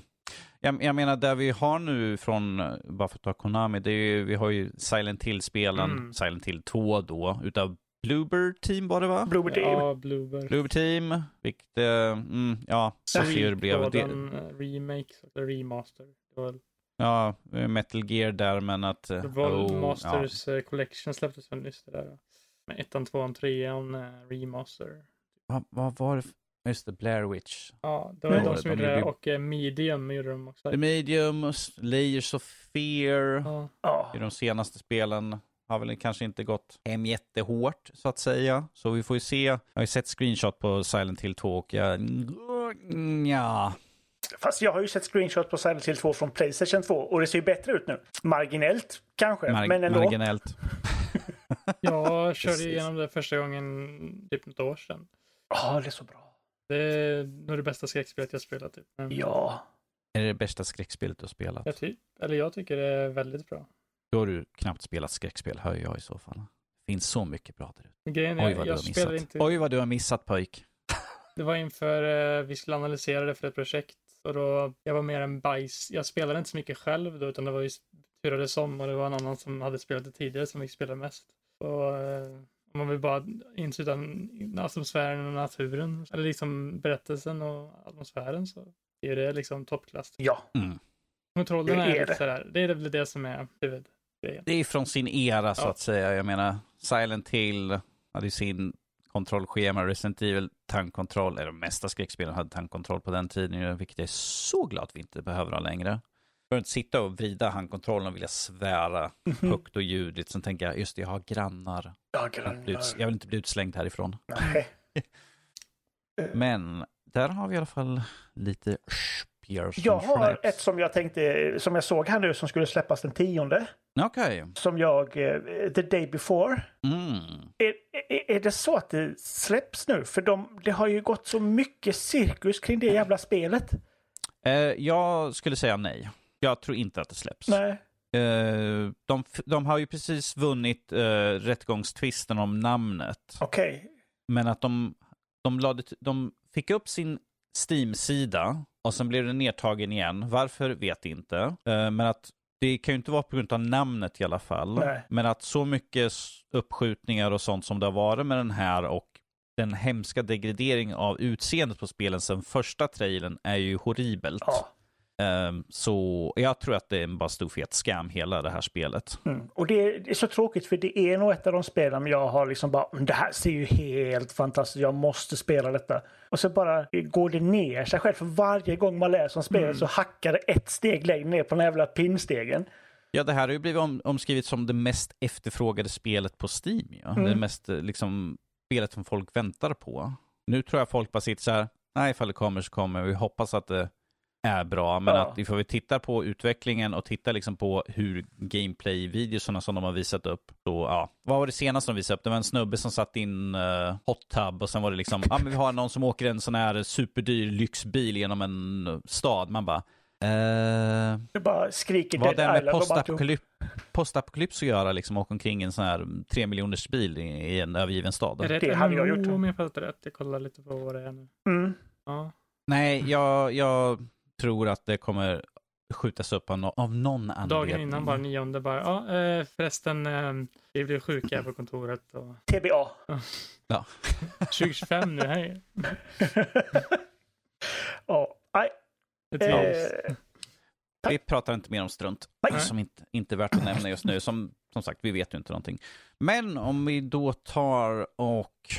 Ska kolla här, har vi gjort allting? Ja, ja. Vi hoppar över till vad vi har spelat och vad vi har sett på. ja. Yes. Uh, jag tänker jag slänger över till dig Jesper på direkten sådär. Ja. Du har en gedigen lista där och eh, som jag redan påbör, påbörjat prata lite grann. Super Mario Bros Wonder. Ja. Intryck, tankar, är det värt att skaffa? Bör Peter skaffa det? Eh, det, jag tycker att det här är väldigt gediget och välgjort spel. Eh, jag har ju kört igenom hela spelet nu. Eh, sen, eh, ja, jag vet inte, jag har väl gjort de flesta grejerna i det. Jag har inte gjort 100% på det. Men Mm. det kräver liksom att man ska hoppa på alla flaggstångar, få dem högst och sen ska man göra alla special mynt och allt sånt där och jag har inte gjort det eh, riktigt. Men jag har gjort några lite tuffare challenges i alla fall och de var rätt, rätt kul. Man ska hoppa i takt med musiken eller vad det är och så ska man Det är väldigt så här, man har ett litet plattform att hoppa på så blir det väldigt tight. Och så börjar man missa tajmingen på allra sista och bara, ja, då var det helt kört. Eh, men... Eh, vad, vad, skulle, vad skulle du säga att det är de, de största förändringarna de har gjort Ja. från traditionella Mario-spel då? Den största grejen som Super Mario Bros Wonder har gjort är, ja, dels så eh, är det ju grafiskt mycket mer liksom tilltalande när det kommer till animationer och sånt. De har ju verkligen ökat liksom alla grejer som liksom hans, när Mario går igenom en pipe så eh, liksom hans mössa faller av och han går och hämtar den och allt liksom så här gör, det så att det känns lite mera liksom som att, ja, lite mer De, de, de, har, de har gett lite mer animationer Mm. till honom i hans rörelser och sånt. Jo, men det är ju inte absolut inte den största grejen. Den nej, största nej, nej, grejen att det är är trevligt. Eh, det första grejen är då eh, Wonder Flowers som de kallas för. Mario har inte, är inte i det här Mushroom Kingdom som man brukade vara i.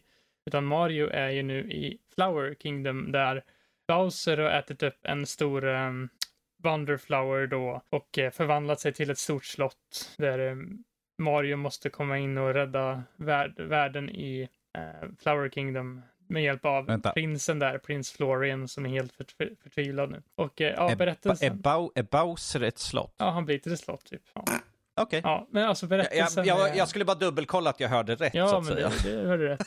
Berättelsen är väldigt eh, basic. Det, alltså du, hör, du har all introduktion liksom på en minut typ. Sen är det bara att börja spela. Men ja, då Wonder Flowers, vad är det här nu för någonting då? Jo, det är som att Mario och vänner eh, tar droger nästan. eh, Mario liksom... När man går in i en sån här Wonder Flower då, och de här liksom finns ju lite på olika ställen i eh, banor. Vissa är mer gömda, vissa är mera öppna. Och de här ändrar layouten på banorna ganska mycket. Det kan hända allt, allt möjligt knasigt som att Piranha Plants börjar sjunga och du får massa olika saker kastade på dig från olika håll. Till att eh, vin blir typ top-down vi och du går runt på eh, typ en helt ny perspektiv eller det blir till en Goomba är en och det finns massa jätterandom saker och det är alltid liksom så här vad ska hända härnäst när jag tar en Wonderflower som är liksom den här största drivet tycker jag med det här också. Det här spelet att alla banor är så här unika, for, unikt formade efter att de ska kunna, man skulle kunna ta en Wonderflower då. Och eh, ja, sen tycker jag, ja, det, kontrollerna känns väldigt, de flyttar på väldigt bra. Det är lagom liksom långt, lagom svårt för alla, mm, alltså ah, vem som helst kan hoppa, hoppa in i det här spelet och bara spela det. Det är liksom barrier of entry är väldigt låg, men det finns även rätt många utmaningar som gör att spelet kan bli lite så här utmanande i vissa, sång, i, i vissa tillfällen om man vill göra allt i spelet eller ta de här svårare utmaningarna. Och även en annan grej som är nytt för Mario Bros Wonder är ju då gadgets som det heter. Det är att man kan ta, eh, equippa gadgets på banor som man får och det kan ju vara allt möjligt från att du får en glidflygare till att du får ett eh, högre hopp till att du får eh, att du får en mushroom direkt när du börjar en bana för att få lite hjälp där eller ja, det finns eh, rätt många olika till att du får liksom en eh, dive kick när du är i vatten eller ja, det finns mycket grejer som gör att du kan liksom anpassa dig och göra utmaningar. Precis, väldigt många nya sätt att Ja. ta sig an banorna på. Jo, precis. Jag har inte testat så mycket av multiplayer i spelet dock, alltså online. Jag har testat det offline lite med en vän och jag tycker jag fly- flyter på rätt bra, men online är helt annorlunda. Då spelar du ju med det här spöken av andra spelare som du sätter ut stamps som du kan få i spelet som hjälper dig och sånt. Jag vet inte riktigt hur. Ja, just det. var ju det där de visade på Mm. uh, när de visade upp spelet att ifall du dör så blir det som en bubbla och Mm. sen kan du liksom åka till den och liksom respawna mer eller mindre. Den grejen har jag inte testat så mycket än. Eh, Det enda som jag har lite så här, tycker var lite sämre med spelet är att, eh, och det, det verkar väldigt många andra också tycker jag, så att det är att boss, bossvariationen inte riktigt där. Det är liksom Mario Junior, eller Bowser Junior konstant om och om igen, lite olika tappningar. Det blir liksom så här, ja, vi kan väl gjort något mer än det här. Och slutbossen då, det finns ju en boss, alltså Bowser, så slutet, är spoiler, men ändå inte spoiler för att, ja, Ifall, ifall Bowser är med i spelet förväntar jag mig att han är slutbossen. Den Mm. bossen tycker jag var rätt så kul dock. Jag vill inte säga så mycket om den för att inte spoila något, men den, är, den banan är unik. Men annars så tycker jag att det var med bossar så. Men jag tycker ändå att det är, av de Mario i 2D jag har kört så är det nog kanske det här det bästa och tänk då att jag har mest bara kört New-serien som har kommit sen eh, Wii och DS för det, så jag har inte kört så mycket av de här gamla World och sånt. Jag har bara testat dem lite smått. Men jag tycker Mm. att eh, det här är ett stort kliv uppåt mot eh, New-serien i alla fall. Jag vet inte vad jag skulle säga. Mario 3D World kom ju också. Det är inte riktigt 2D Mario, men det är lite Mario 3D. Jag tycker att det var väldigt bra, så jag vet inte riktigt hur det håller sig mot det. Men överlag ett av de bästa Mario-spelen på Switch, helt klart tycker jag. Och det är värde för alla om man spelar ensam eller om man spelar med familjen och vill ha en lite kortare upplevelse kanske om man har tagit sig an de här långa långa RPG-erna eh, och allt sånt som kommit ut i år, bland annat typ Baldur's Gate 3, uh, Br- T- Zelda Tears of the Kingdom och alla de här typ 100 timmar plus-spelen så är det skönt att Och jag menar, i de spelen får man ju inte spela som en elefant heller. Nej, precis. Man kan bli elefant här nu. Det finns ju tre nya förmågor i spelet som inte har varit med i Mario-spelet förut. Det är ju, ena är ju det elefanten. Du kan förvandla Mario till en elefant. Eh, och du kan liksom smasha din, med din snabel på grejer och vattna grejer genom att ta vatten och kasta med snabeln på annat.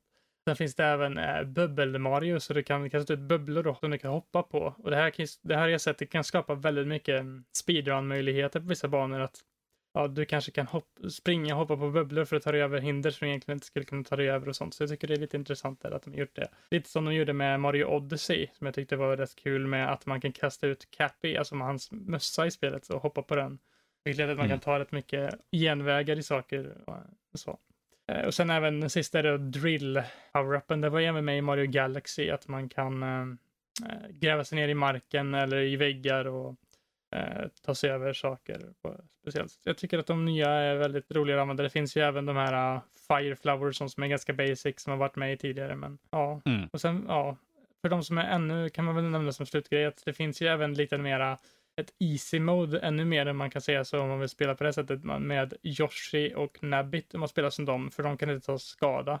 Och de har lite högre hopp och lite sånt. Så om man har lite svårt för spelet så kan man ju spela det med dem. Så det finns ju liksom en väldigt stor eh, tillgänglighetsgrad med det här spelet. Mm. Och det är väl det jag har att säga om det. Oh, du har säkert mycket mer att säga om det, men att, jag, tror, jag tror att vi kanske inte behöver Nej, berätta hela spelet. berätta Men allt. det är en, en, en varm rekommendation i Ja. alla fall. det tycker jag. Ja, okej. Oh, yes. Peter, Yes. du har ju fått äran att spela Lords of the Fallen. Detta, detta stämmer. Detta stämmer. Detta stämmer. Eh, Om vi ser ifall du har en lika glödande passion för att prata om spelet som Jesper hade om Mario här nu. Jag är lite besviken eh, så här i efterhand märker jag eh, när jag har hört Jesper prata att man inte kan vara en elefant och eh, slunga runt sin snabel på fiender.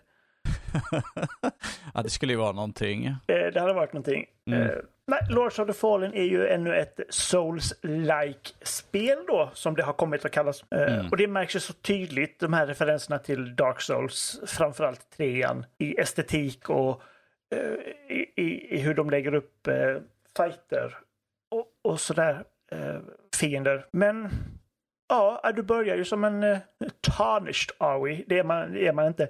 Men eh, alla har ju sådana här outcast som man ska vara. Mm. Och eh, Outcast, död, eller vad, Ja. vad man än börjar som i den här typen av spel. The Dark Wonder, The Dark någonting var man.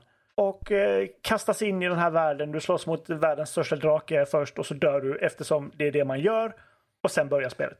Precis som Elden Ring, man börjar slåss mot någonting och sen dör man. Som- Och sen kommer man till spelet. Och sen som alla spel, bara "Ah, kolla här är en boss. Bara, "Ah, vad kul, jag ska bara klappa lite. Eh, och sen, Sen, klapp, sen klappar de tillbaka sen och klappar de sen man. tillbaka. Eh, Men alltså för att vara, jag tycker ju om det, jag, eller jag vill tycka om det. Det är fruktansvärt buggigt dock. Eh, Tappar framerates och hitboxarna försvinner och du dodgar bakåt när du ska dodga framåt. Det är mycket små grejer som irriterar den. Och i den här typen av spel som är väldigt oförlåtande redan från början så behöver man inte ha att det laggar precis när man ska slå till en boss och bara oh nu är det hon eller jag. det är alltid jag då. Oundvikligen. Mm. När de löser de här problemen som menar, det är folk som sitter med sina värstingdatorer, eh, PC Master Race och 4090 grafikkort som också upplever detta. Och jag tycker det är, jag vet jag är inte spelutvecklare, jag vet inte varför det blir så där. Men jag har inte upplevt det i några spel på min Series S förrän nu. Mm. Men när de löser det, för det är ett väldigt, väldigt snyggt spel. Eh, du använder en lampa för att färdas mellan olika världar för att lösa pussel. Och kan du inte gå över den här bron, för den finns inte här, så går du in i Umbral, som den här döda världen heter. Och det är dimmigt och det är läskigt. Och det låter runt omkring och dödskallar överallt och läskiga monster. Och där nu finns det en bro, fast den är gjord av ben, så det kanske inte är så kul att gå på den ändå. Mm. Men så du behöver liksom använda dig av båda, som i medium som vi pratade om innan. Att du behöver gå in i båda världarna för att ta dig framåt. Och det är, det är ett bra spel. Det bara är så trasigt. Det är något som upplevs ganska mycket tycker jag eh, på sistone. Att jag tror jag beskrivit i recensioner att det finns ett bra spel här. Mm. Men de är inte där ännu. Nej. Eller att vänta med att köpa spelet tills utvecklaren har gett lite mer kärlek. Det vill säga x antal patchar innan det faktiskt är funktionabelt. För hade det varit en, en, en beta-version eller en sån där Early access. ja, kanske. early access, då, då hade jag köpt det rakt av. Då, då vill jag, vill, vill, jag vill inte ha de problemen, men jag förstår att de finns där. Men ska de eh, ha 700 kronor för ett spel som de pluggar stenhårt så ska det gå att spela för det första. Ja, Det är det minsta man kan begära. Sen att alla spel har buggar och sånt, det, det har de ju. Eller hur Bethesda? Ifall de byter motor kanske. Men eh, vänta, jag vet inte, ett halvår kanske. Och testa det. Då kommer, om du gillar Elden Ring och Dark Souls och Bloodborne och ha- hatar ditt liv så mycket att du känner att du vill dö. Jag, jag, jag skulle säga så som min bror brukar köpa, att han, han köper sig ett spel, men att som han har en sån stor backlog så, tänker han, så säger han så här att ja, men jag köper det här spelet nu. När jag kommer igen de andra spelen så har de troligtvis patchat spelet så att eh, jag kan spela det utan några problem. mm.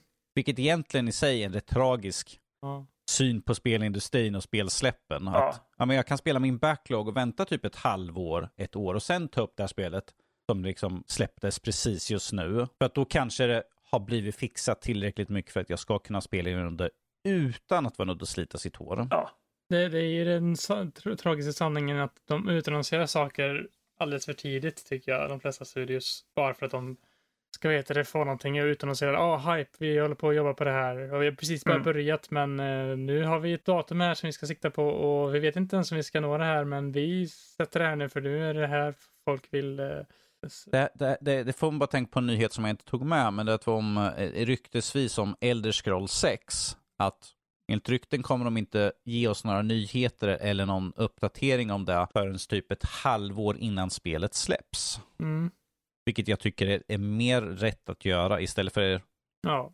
sju år innan. Att, ja, vi gör det här spelet som uh, Skull and Bones. Mm. Tror det utvecklades 2013 eller något sånt där. Tror det utvecklas. Och vi är nu 2023, börjar närma oss 2024 och det är fortfarande inte i närheten med som sagt prognoserna någonstans mellan 2024 och 2025. jo men alltså det, det är så tragiskt egentligen. Jag tycker att det, det är egentligen så man borde göra, liksom utannonsera det några månader innan bara för att då liksom, ja, ah, då vet jag att du ska, då kommer det här snart, du kan spela det. Jag tycker att Nintendo gjorde det bra med Mario Wonder till exempel, att ja, de utannonserade det liksom i somras och nu har det släppts liksom, det är ganska buggfritt och så, men de har ju liksom kunnat ta sin tid innan för de har ju inte utannonserat det innan, då har de inte haft någon deadline heller att förhålla sig till på det sättet att ja, de, våra fans förväntar sig att det här spelet ska komma nu, för de har ju vetat om det här i några år nu liksom. Då kan de Mm. bara liksom ja, släppa det när inte de känner att det blir bra. Liksom. Jag tycker att det borde man ju mer satsa på, liksom, att ha ett halvår max innan spelet släpps, att de utannonserar det. Ja, för jag har sett folk som har skrivit liksom om Lords of the Fallen att, liksom att det är ett bra spel som tyvärr får ligga i lä på grund av problemen spelet har. Mm. Men att det skulle kunna vara en fan favorite ifall det inte vore så trasigt. Ja.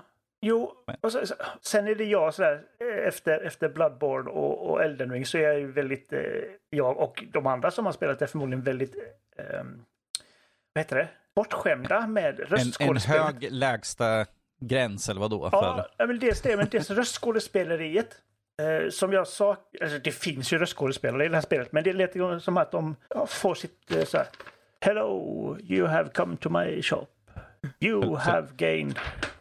Eh, så är det Resident Evil eh, röstskådespel? oh my god, you were almost a Jill sandwich! Ja, exakt!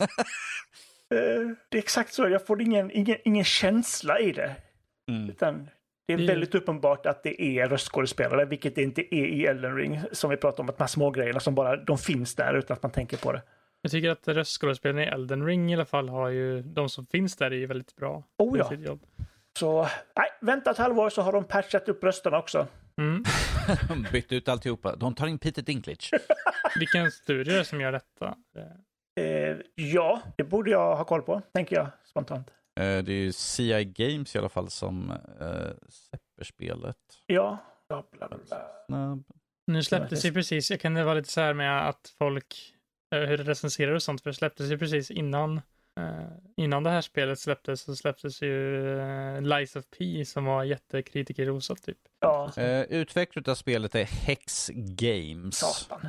Inte talat om Ja. dem innan. Eh, de har till exempel varit med och jobbat på, eh, eh, vad heter de här, Sniper Ghost Warrior-spelen. Och såklart originalen Lords of the Fallen. Ja, Så, Från 2014. mhm. just det. Ja. Så det är det den här studion har gjort i alla fall. Eh, X-Works CI Games. Ja, precis. Nej, men eh, ja. Det, det blir bra. Jag gillar inte att, att vara negativ mot spel, men jag vill kunna spela dem. Eh, också särskilt om det är sådana spel som hatar dig oavsett vad du gör. Då behöver jag inte ännu, ännu en grej som hatar mig. Det är imponerande de som klarar ut det på day one då. Liksom Ja, men de det är för att de är sadister och psykopater och har Ja. folk inmurade i väggen hemma förmodligen. Säger inte att det är så, jag bara så här, jag friskriver mig själv här. Nu. Mm. Ris- risken finns sådär. Jag kommer ihåg Lies of P nu när det släpptes så var det ju många som klagade över svårighetsgraden istället. Och då var det liksom Ja, att, då var det ju så att det här är alldeles för svårt, det här är svårare än alla andra souls. Då nerfar de typ alla jättemycket, alla bossar och så säger de nu är det för lätt. ja, du blir aldrig nöjda. Spela Super Mario istället om du har ett lätt Ja. spel liksom. Ja. Ja, jösses. Om det inte är ett problem så är det banne med ett annat så att säga med Mm. spelen. Exakt. Ja, det är för lätt. Ja, nu är det för svårt. Oh. Det är för dåligt. Precis, du- get good. Vad vill du säga Ja, Jesper? varför spelar du spelen då? Liksom. Just den typen av spel, om du vill ha lätt så spela ett annat typ av spel. Precis. De här är inte för dig i så fall. Jag har en, en bekant som tycker att det är... Eh, han tycker att det låter roligt men han, han, blir, han blir bara arg. Och så avinstallerar han det. Och så installerar han det igen och så blir han skitförbannad. Och så avinstallerar han det. Som jag gjorde med Bloodborne. Mm. X antal Men du gånger. klarar ju Ah. det till slut väl? Sen klarar jag det. Men det är så här, det är bara att klicka till. Ja. Det behövs en, en klick i de här spelen. Jag, bara klar, jag det två gånger och inte kommit förbi första området än. Så. Precis, det var så jag gjorde i flera år. Jag bara, men Benade varulv, varför kommer inte förbi det? Det första, första figuren man mötte på förresten, så att Ja. folk vet. det. Men Elden Ring klarar jag ut i alla fall, så det var ju något. Ah, det är fint. Nej, det var en ren tur Jesper. Det var bara Mm. ren tur. Hur lång tid tog det för dig att klara Elden Ring? Eh, första gången du satt? Typ 70-80. det är så kul. Första gången jag gjorde det så tog det 240 timmar. Ja, För för jag är sådär att bara, oh, okej, jag ska hitåt. Det var mest är att det vågor gå överallt bara så här. Det kändes som att det var så farligt. Alltså. Sa, en grotta, vad spännande! Jo. Jag tror, jag tror vi hade Mattias över här och eh, han fick testa på, på Fredrik, på Elden Ring hos Fredrik då. Han bara, ja men jag går hit bort. Du, du, du, du, du, du, du. Vad är det där som kommer flygande? Stor drake. Upp brunnen. Första han gör i spelet. Han bara, eh, okej, sen, jag ska inte gå dit. När man kommer ut i Elden Ring så har du antingen den här stora jävla Tree Sentinel framför dig. Ja. Eller så går du till vänster, då är det världens största troll. Här skiter i det, då går jag höger, men då är det en drake. Mm. Kommer ju ingenstans, det är bara skit och allt vill döda dig. Det är Australien som tv-spel. Ja, precis. Ja. Ifall några stränser som lyssnar så... Det var många bossar där som jag Var eh, nödd att gå upp på spelet av. Men Ja. man kommer förbi till slut och man ger allt sitt. Ja. Renala. Jag, jag, tyckte, jag hade inte så svårt för den. Men man har ju olika builds som gör att det blir olika. Ja, ja, ja. Yes, vi, Vi kan diskutera det efter podden. Vi kan. Vi kan ta här, vi kan ta en lång diskussion efter podden. Det blir ett avsnitt bara om Ja, bara om Elden Ring. Elden Ring. Känns som vi har haft det som när spelet kom ut. Och, och Fredrik bara snackar om det hela tiden. Typ. jag, jag, bara, jag kan luta mig tillbaka medan de pratar om det här spelet som jag har noll intresse av att testa på sådär för att det är souls-like.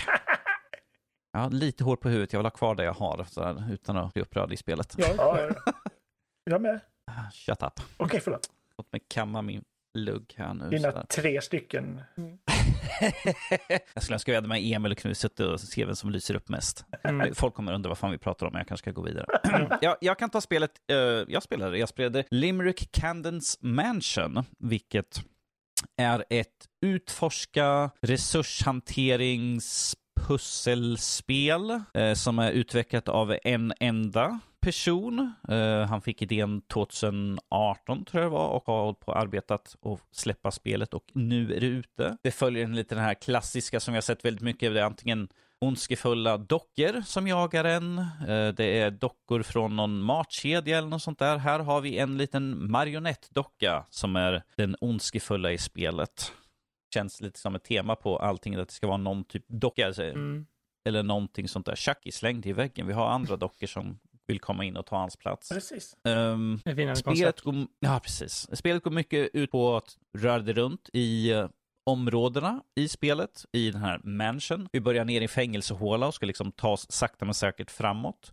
Eh, problemet jag hade med spelet att Eh, väldigt mycket av områdena ser exakt likadana ut. Det är långa korridorer med eh, nå växtlighet eller tentakler, jag har inte bestämt mig vad, vad jag ska kalla dem fortfarande, men något skit som hänger ner som gör att de ser likadana ut. Det är väldigt mörkt ehm, och man kan väldigt lätt springa vilse, vilket jag gjorde extremt många gånger. För att när du kommer till senare bitar av spelet kan du låsa upp som genvägar tillbaka till de första områdena. Det är såklart att man springer ner för en korridor och bara Åh, vad finns här borta? Så springer man vidare. Man bara, där ser bekant ut på något sätt. Ja, jag är tillbaka i första området. Var var det jag skulle någonstans? Det är inte så mycket, det är inte så bra på att säga liksom, här ska du. Utan det är mer så här, spring runt tills du hittar ett pussel som du måste lösa. Mm. Spelet har olika svårighetsgrader, men att det inte är så mycket att spelet blir lättare utan att, att pusslerna blir lättare. Eh, för att du kan, om du väljer en lättare svårighetsgrad, kan du få att du kan eh, det finns en spak vid alla pussel, så, och ifall du tar en lättare så kan du använda spaken för att automatiskt lösa pusslen. Vilket då behöver man inte hålla på och krångla med dem, för det finns, eh, jag tror andra stora området är som en typ ett karnevalsområde inomhus med massa skumma monster. Men att där ska du lösa tre pussel. Varje pussel ska du också lösa då tre gånger om. Ja. Och när du har löst pusslen så kommer den här Limerick som den här lilla marionettdockan kommer och jagar runt på en. Och ett av pusslarna är till exempel ett viktpussel där du ska springa. Du, du ser två, två vågar. Det liksom, på ena vågen så står det liksom 11 och då ska du springa till någonstans i området, hämta en vikt, ställa på den för att få den rätta vikten. Mm.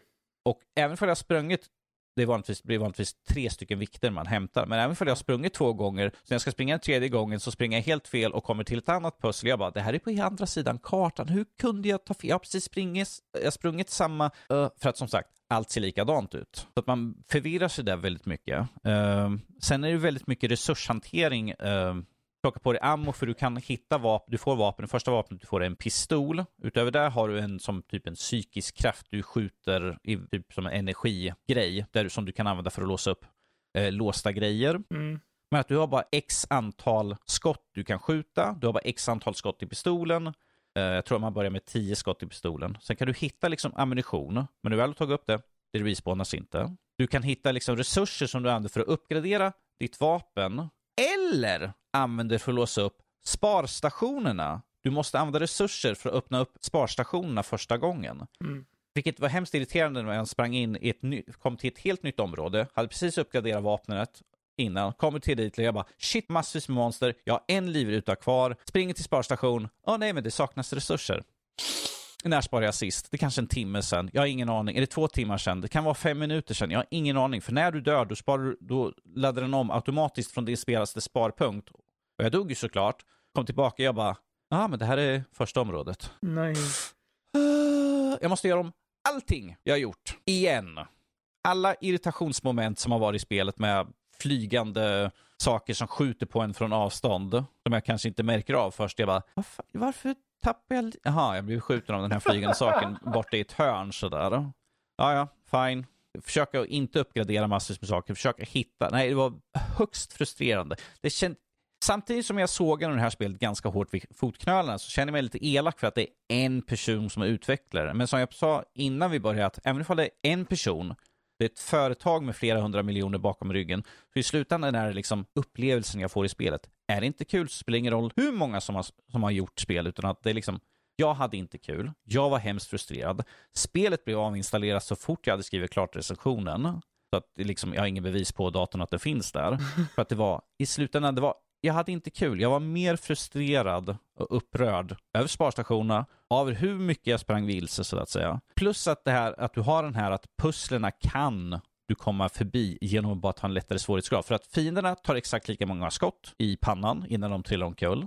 Vilket för övrigt såg ut som eh, du tog, hänger upp en bläckfisk i luften och sen flyger han runt omkring. Eh, typ första fienden. Och jag bara, är det något Cthulhu eller är det bara, har de bara hängt upp en bläckfisk i luften? Så jag vet inte riktigt vad det är för någonting. Men han dör efter tre skott i pannan i alla fall. Det, det var bara inte kul. Eh, men jag, jag, tror ju att det finns folk som säkert kommer uppskatta det här. Folk som tycker om att pinas lite granna och tycker om pussel där man springer omkring och undrar hur, vad var pusslet nu igen? Jag kommer inte ihåg. Var någonstans skulle jag? Uh, jag har ingen aning. Mm. Jag är bara hemskt förvirrad.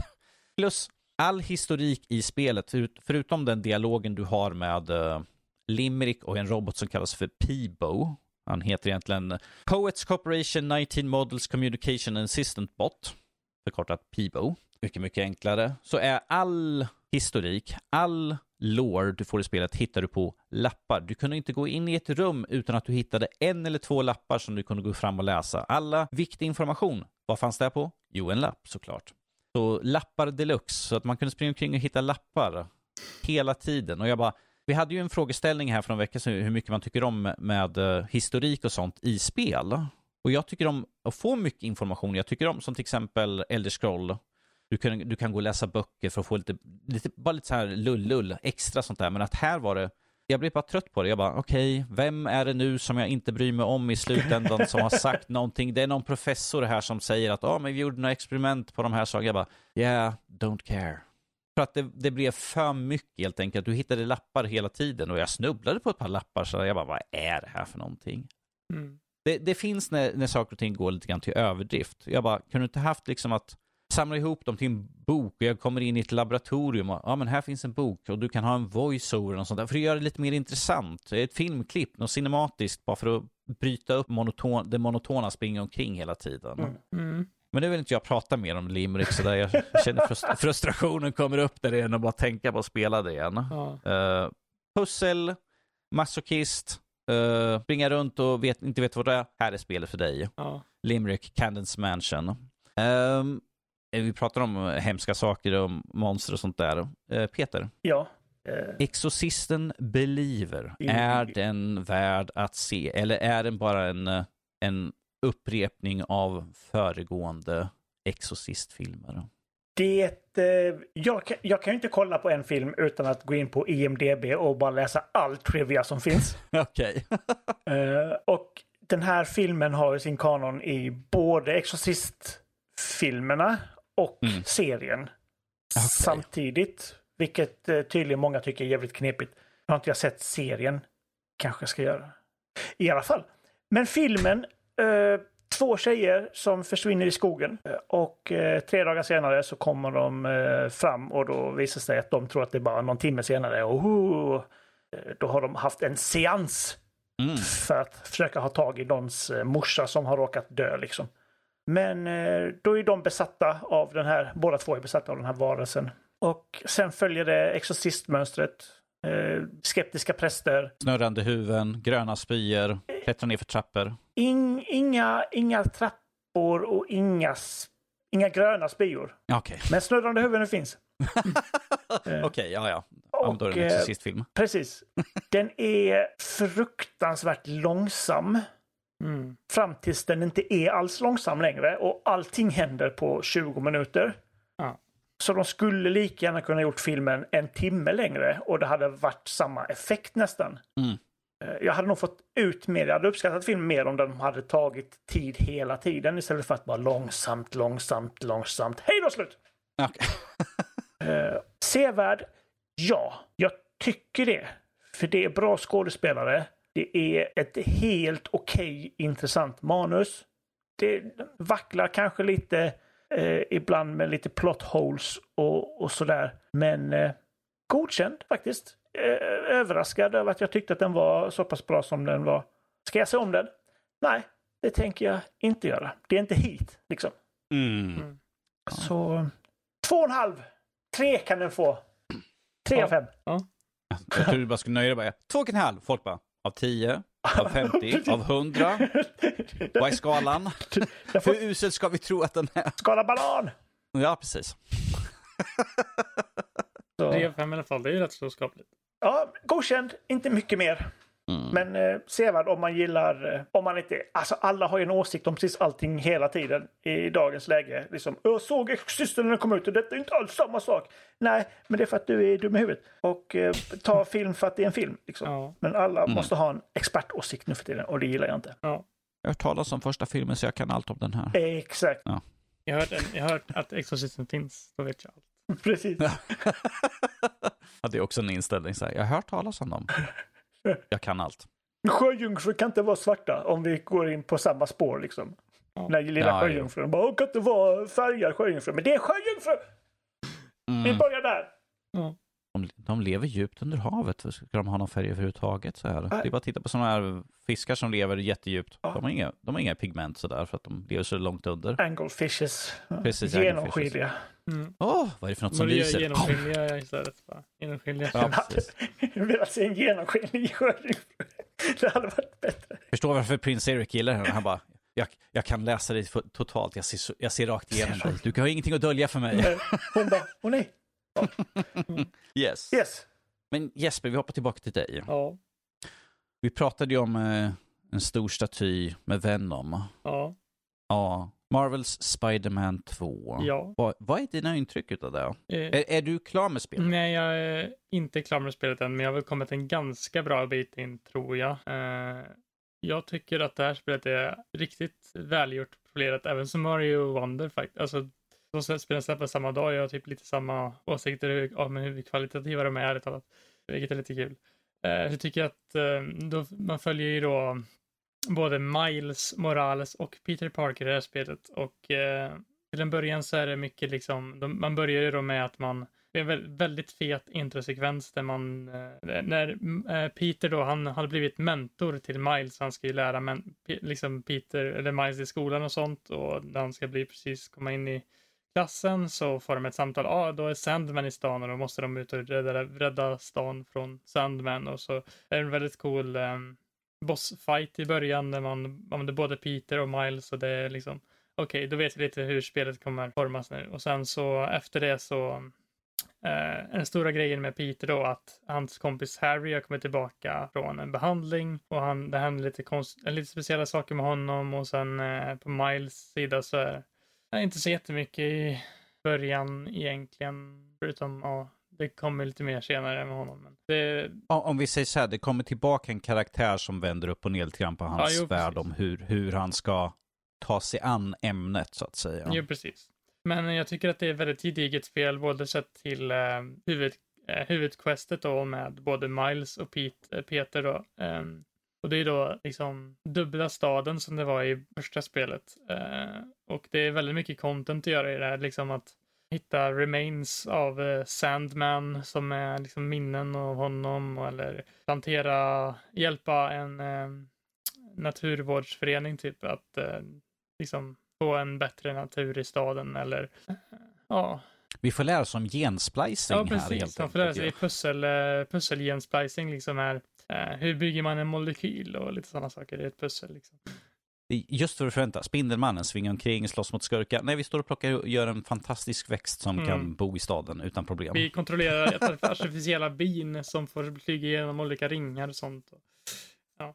Det finns eh, Elektriska en bin. ganska stor variation där. Sen tycker jag även att sidouppdragen i spelet är väldigt genomtänkta och bra också. För den delen, det är mycket liksom sidokaraktärer, sidoskurkar i serien och sånt som lyser igenom i de här uppdragen och man får lite bakgrundshistoria, bland annat i Rafe, eh, Yuri och Ja, det är samma. Ja, och lite sådana karaktärer som man kanske inte ser så mycket av i huvudstoryn, utan de är lite mer sidouppdrag och sen är det lite andra uppdrag med lite sidokaraktärer som är ganska viktiga. Och tycker jag om den här nya förmågan också man får, man kan glidflyga runt i staden. Det ger liksom en till ny eh, del av utforskandet att man kan eh, inte bara svinga runt utan man kan ha en glidflygare och flyga runt också i staden. Jag tycker fantastiskt hur han kan glidflyga, för det är liksom, han har ett nät från typ handleden Mm. ner till typ midjan och det gör att han kan flyga som en sån här eh, chip, eh, flying squirrel eller något sånt där. ja, Jag bara, Ja, ja, ja, ja, precis. Det, det är så det funkar. Jag Ja, testade det logik. igår. Det funkar, du? jag testade igår. Det funkar alldeles utmärkt. Ah, okay. ja, jo. Eftersom du sitter här så gick det ju bra. Ja. Men ja, det är väldigt gediget um, spel. Jag tycker att kontrollerna, alltså man vet ju lite, om man spelat de tidigare typ två Spiderman-spelen, man vet lite hur spelet upplägg kommer vara, liksom att du åker runt i staden, svingar dig runt, löser uppdrag, tar dig an någon liten heist eller någon prime och gör lite sidouppdrag och lite collectables och lite sånt och möter skurkar. Men jag tycker att det är ett väldigt gediget upplägg ändå. Jag tycker det, kontrollerna känns väldigt, väldigt nice om man ska säga så. Med, och striderna flyter på väldigt bra. och Om man kommer in i dem så är det liksom mycket roliga förmågor. Du har eh, gadgets och sånt du kan använda dig av och lite mer förmågor med Peter sen som jag inte kommer nämna så jättemycket om nu för det kanske är lite spoilers men eh, ja, det finns lite, man använder lite, lite nya saker. Det finns otroligt många dräkter man kan samla på i spelet. Eh, från alla möjliga olika Spiderman-filmer och eh, serier och bland annat kan man ju... Jag, jag, jag, jag, tänkte göra ifall du glömde att säga direkt. Jag bara, men Jesper, but wait, there's more. Ja. Ta dräkter Ja. och dräkter Ja. och dräkter. Jag har låst upp typ, jag försöker ju typ göra så mycket som möjligt. Jag var, blir så sidodistraherad av allting så jag, jag vet inte, jag tror jag är ganska hög level ändå. Typ 40 någonting på karaktärerna och då har jag ju typ, eh, det finns ju typ dräkter från um, Raimi-filmen där det finns dräkter från massa serier, liksom alla möjliga olika Spiderman-universum, även eh, Into the Spider-Verse och Across the Spider-Verse, de nya tecknade och då har man ju också gjort så att det blir liksom som samma animationer och samma framerate liksom på karaktärerna så det känns som att man är med i, eh, vad heter det, de filmerna som jag tycker är ganska coolt. Och det finns direkt med både eh, Miles och Peter med den.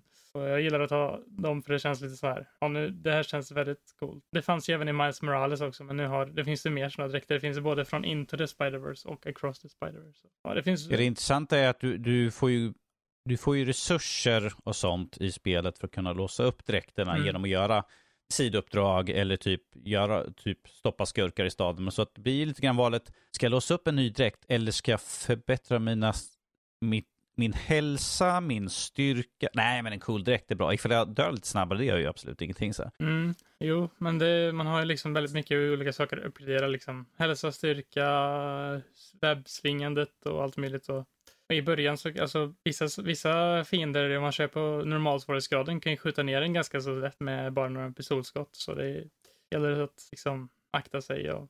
Men när man väl kommer in i det tycker jag ändå att det är väldigt, liksom, flyter på väldigt bra och man kommer liksom in i det. Och då, man har ju också den här nya parrying-förmågan också som är lite så här halvt bra på att använda mig av fortfarande, men du kan parera. Det finns ju då, Craven är ju huvud, en av huvudskurkarna här och han har ju massa hunters med sig och de här har ju svärd då som man kan parera hits från och det är ju liksom så man tar sig an dem och de har sköldar och grejer så man inte kan dodga deras grejer på samma sätt utan du måste parera attackerna för att styra dem och det kan ju bli lite så här att, eh, timingen där kan ju bli lite, man måste komma in i det lite mer. Men eh, annars tycker jag att det flyter på väldigt bra och Eh, Jag har inte så klart ut det här, men jag skulle nog säga att redan nu att det är nog det bästa utav de tre för att det eh, har så mycket grejer i sig. Eh, jag vet inte om jag, jag, tycker nu att typ Peters historia är mer intressant kanske än Miles just nu.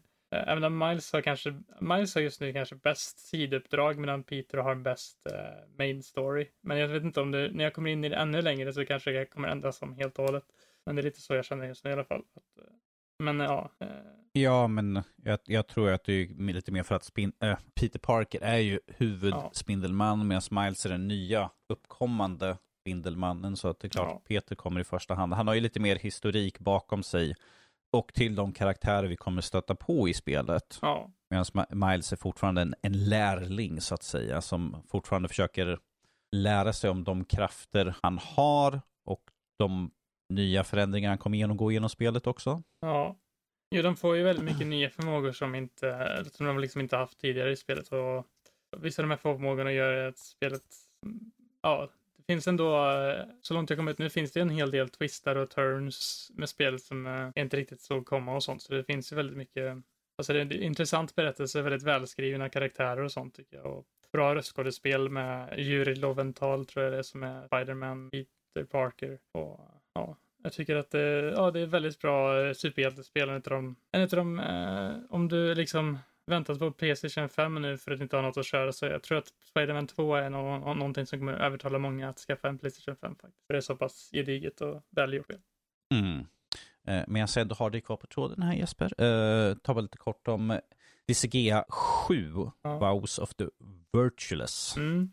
Disgaea eller Disgaea, ja, hur man nu uttalar det. Jag har ingen aning hur man uttalar det. Det, det, det är en vild gissning så det jag ja. funderar på att slänga in på liksom läsa upp där. Och den bara, jag vet inte vad jag ska säga. Jag tror man säger typ Disgaea eller något sånt. Men eh, ja, det är i alla fall ett, en, bland, en väldigt nischad serie, men den, bland sin fanbase är den ganska så stor. Det är ju en strategirollspelsserie från Nippon Ichi Software, tror jag de heter, som ut, utvecklar den här serien ett väldigt bra tag.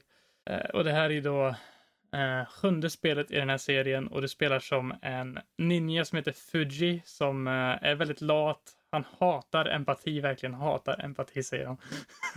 och så möter han på en eh, Bushido-älskande Pirilika som älskar samurajfilmer och älskar liksom, hon vill se liksom, gå ut på äventyr och eh, stridas och slåss och bli bättre. Och så möter de på då, hon, hon är jätterik då också.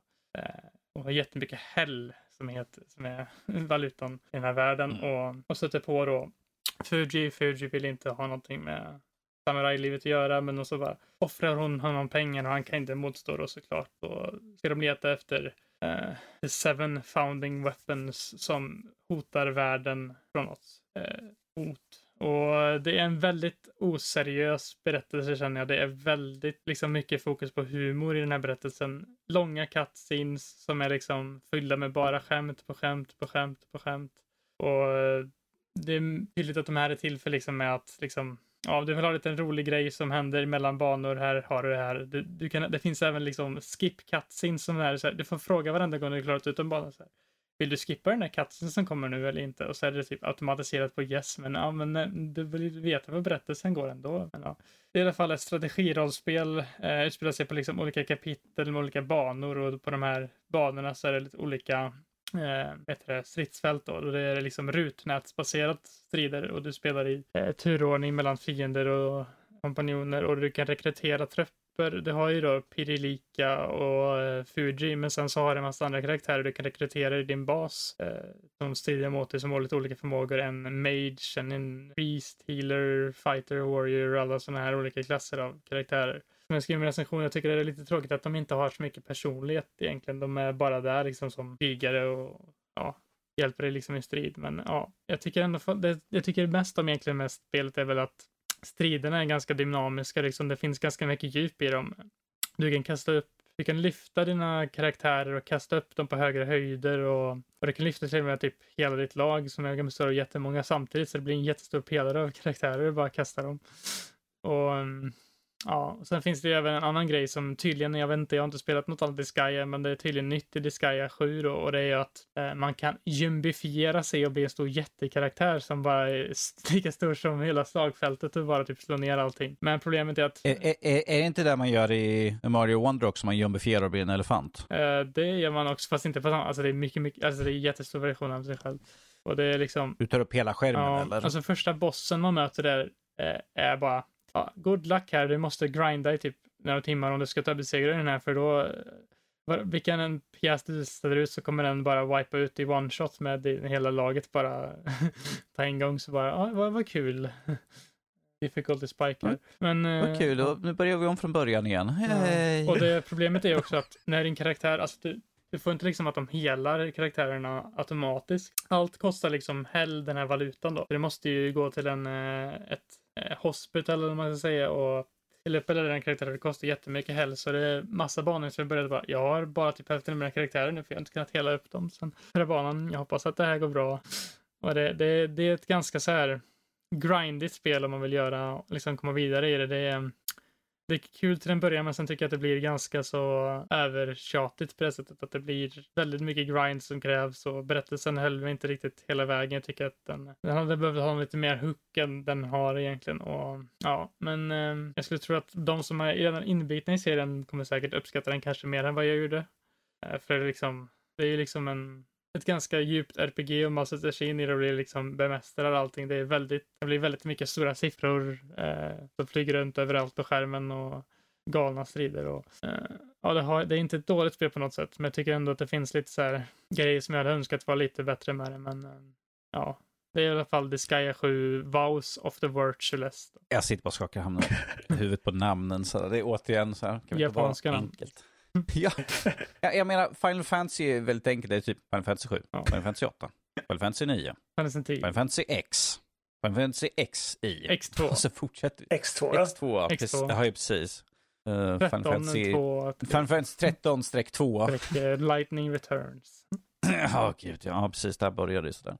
Eh, Jag tycker vi tar och avslutar med vad vi har spelat, vad vi sett på med från Peter. Alltså, Jag, jag kollade upp den nu medan du satt och pratade lite grann. Jag blev lite nyfiken på höra vad du tyckte om den här If You Were The Last. För jag tyckte det lät som, jag kollade upp det på IMDB, jag bara, vad är det för någonting? Jag har aldrig hört talas om det här. Jag bara, det här kan bli intressant att höra om. Ja, eh, jag hade inte heller hört talas om det när jag snubblade över den. Mm. Och eh, eh, If You Were The Last, Anthony Mackie i huvudrollen tillsammans med Zoe Chow. Med reservation för uttal där också. Aldrig hört talas om henne innan. Tror Eh, jag, vet, vet hon Zoe Chow? ja, Mm. Eh, inte det hon som har gjort Eternal? eh, jag säger kanske på den. Eh, Love Life, Downhill, Strangers, Nej. vad blev det av? Eh, Modern Love. Ja, ni hör ju. The OA är hon med om man ska ha något. Succession har hon en liten roll i. Okej, ja men då jag tänkte fel. Inte den. Ingen, ingen jätteskådis. Eh, en, eh, en eh, rymdexpedition som har gått fel. Hela skeppet, liksom, styrningen funkar inte och kommunikationen funkar inte. Och det här är tre år efteråt och de har bara... De var tre från början, de är två kvar. Anthony och Zoe. Och de, de, de gör sitt jobb ändå. Liksom. De försöker laga skeppet och så snackar de skit och de dansar och de spelar schack och så vidare och så vidare. Som man brukar göra. Som man brukar göra. Och så kommer ju de då till den här oundvikliga eh, insikten att vi kommer ju faktiskt att dö här ute. Och hur, hur de tolkar det, hur de behandlar det. De är gifta och de har liv och, och familj och sånt nere på jorden båda två. Och sen kanske de blir lite kära. Woho! Och eh, eh, precis då när de har blivit detta och deras relation utvecklas så lyckas de få igång styrningen igen. Så de åker tillbaka till jorden och eh, vad som då måste de ju ta del av vad som har hänt under tre år där nere och vad som har hänt mellan dem där uppe och sådär. En väldigt, eh, den är charmig, den är jättecharmig. Eh, En, en grej som jag tyckte var lite sådär halvsvårt i början som jag kom in i ganska fort är att de har ju mm, sådär, eh, inne i rymdskeppet, det är inte sådär massa high-tech grejer utan det är en, en platt pappvägg som de har målat. Mm. Det är deras kulisser liksom. Mm. Eh, rymden utanför, det är papier-maché Saturnus. Och e- e- ett litet eh, rymdskepp som de svänger runt där för att visa att de är i rymden. Och, och, och det är deras... Det, det är utescenerna liksom. För att, ja, hur ska vi visa att vi är i rymden? Ja, vi har en papier-maché-måne här. Och ett litet rymdskepp i lego, eller vad fasen det var. Och, och det är så här skitsvårt i början. Men, ja, men det bara smälter in i historien på något sätt. Den är så de gör det på så bra sätt. De överarbetar inte det utan de, där det behövs. Och, och, och så är en fantastisk skådespelare i den här filmen. Är, hon blåser Anthony Mackie ur vattnet. Även om inte det är skitsvårt att göra eh, så gör hon det. Och nej, det är en jätte, jättecharmig, sån här exis- existentiellt eh, djup film. Jag gillar sånt. Mm. Och jag, eh, jag rekommenderar den varmt. Det gör jag. Jag kom på att jag tänkte nu på Chloe eller hon heter som var eh, regissören för Eternals bland annat. Ah, Mm. Ja, jag förstår, jag förstår. Jag förstår. Ja, så det var ju väldigt nära namnet där. Det är det. Eh, Så, men eh, ja, se den om ni gillar eh, halvknepiga filmer. Lite det här indiestuket. Eh, Mm. vad heter den?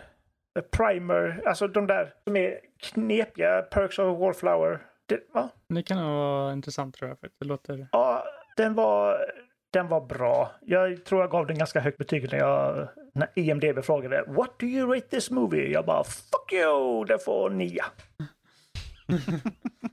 Jag kom på det, fick man tänka på en annan eh, film. Eh, det är liksom de ska ta sig från jorden till en, an, till en ny planet, men att en killen, eh, huvudrolls, kill, killen där, hans kapsel går sönder så att han liksom kommer att vara vaken under hela resan.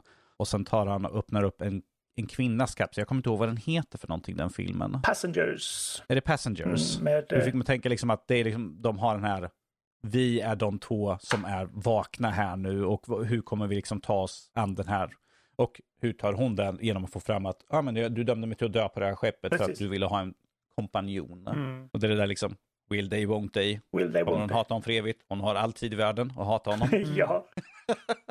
Ja. Ja, men jag, jag, premissen är typ likadant. De är de två sista. Och så är det så här, men vi är bara kompisar. Klart vi kan ha sex, det är ju inga känslor inblandat. Men vi behöver ju ha sex. Mm. Han säger bang, det gillar inte hon. Det är väldigt Mm. avtändande tycker hon. Ja. I wanna bang. Säg inte det. Om, om du vill. Bang. Så, You get a bang for your buck. Ja. precis. Mm. Nej, väldigt sevärd. Kolla på den. Det finns på eh, Peacock eh, Original. Så det är väl någon streamingtjänst misstänker jag. Mm. Yes, men där tar vi i alla fall rundar av vad vi har sett, vad vi har spelat. Då tar och hoppar in på Q&A för podden. Vi har faktiskt fått en frågeställning den här från John Levin. Tips på någon bra, hallo, någon bra halloween-spel, alltså något bra skräckspel, gammal som ny. Uh, jag brukar alltid hoppa tillbaka till typ Resident Evil som vanligt. Sådär. Uh, Dead Space, alltid trevligt så att säga. Um, Alan Wake, som vi pratade om, Alan Wake Mm. 2, Alan Wake 1 tycker jag är riktigt bra. Och speciellt nu ifall man inte har kört det innan tvåan och är sugen på att köra tvåan så kanske man ska köra ettan för att få en bättre bild av vad tusan det är som pågår.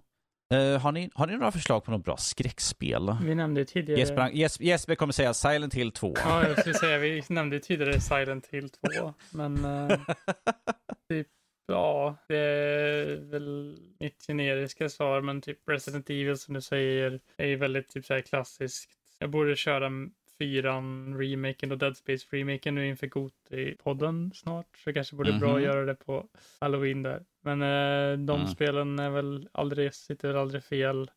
Eh, ja, vad finns det för bra skräckspel egentligen? Förutom sådana. För- Förutom sån. Uh, Evil Within. Ja, Ja, tvåan Tvåan, tvåan är är väldigt bättre bra. Ja. än ettan tycker jag. Ja, ja, ja, Inte det? Nej, det tycker jag inte. Jag skojar bara. du tycker inte det, precis. Eh, ja, jag, jag som sagt, jag recenserade tvåan så är det där- därför den sitter mer närmare i minnet så att säga. Mm. Final Vad har vi mer? det är- precis, det är perfekt nu, nu är filmen här nu uh, ute så att säga. Layers of Fear, första. Inte det nya som kommer jag inte spelat det så jag vill inte uttala mig om det. Men första Layers of Fear gillade jag jättemycket. Ja, eh, ifall det här är... Oh, det är väl nog ingen spela. Jag tyckte det var bra i alla fall. Call of Cthulhu, Dark Corners of the Earth. Men att, som sagt, det finns en bugg där i som gör att man inte kommer vidare utan man fastnar på ett ställe så att det är hemskt irriterande. Jag har ta- inte spelat dem själv, men de är väldigt omtyckta. Oh, Outlast. Eh, ja, mm, Men du gillar inte Ja. Outlast? ah, ja, sisådär. Uh, jag, jag, är, jag är bara lite uttråkad av det här. Vi springer omkring med en kamera i näven. Ja, jag Spelen det, så att säga eh, hela tiden. Vad heter den? Project Det- Zero? eh, Eller Fatal Frame är väl en...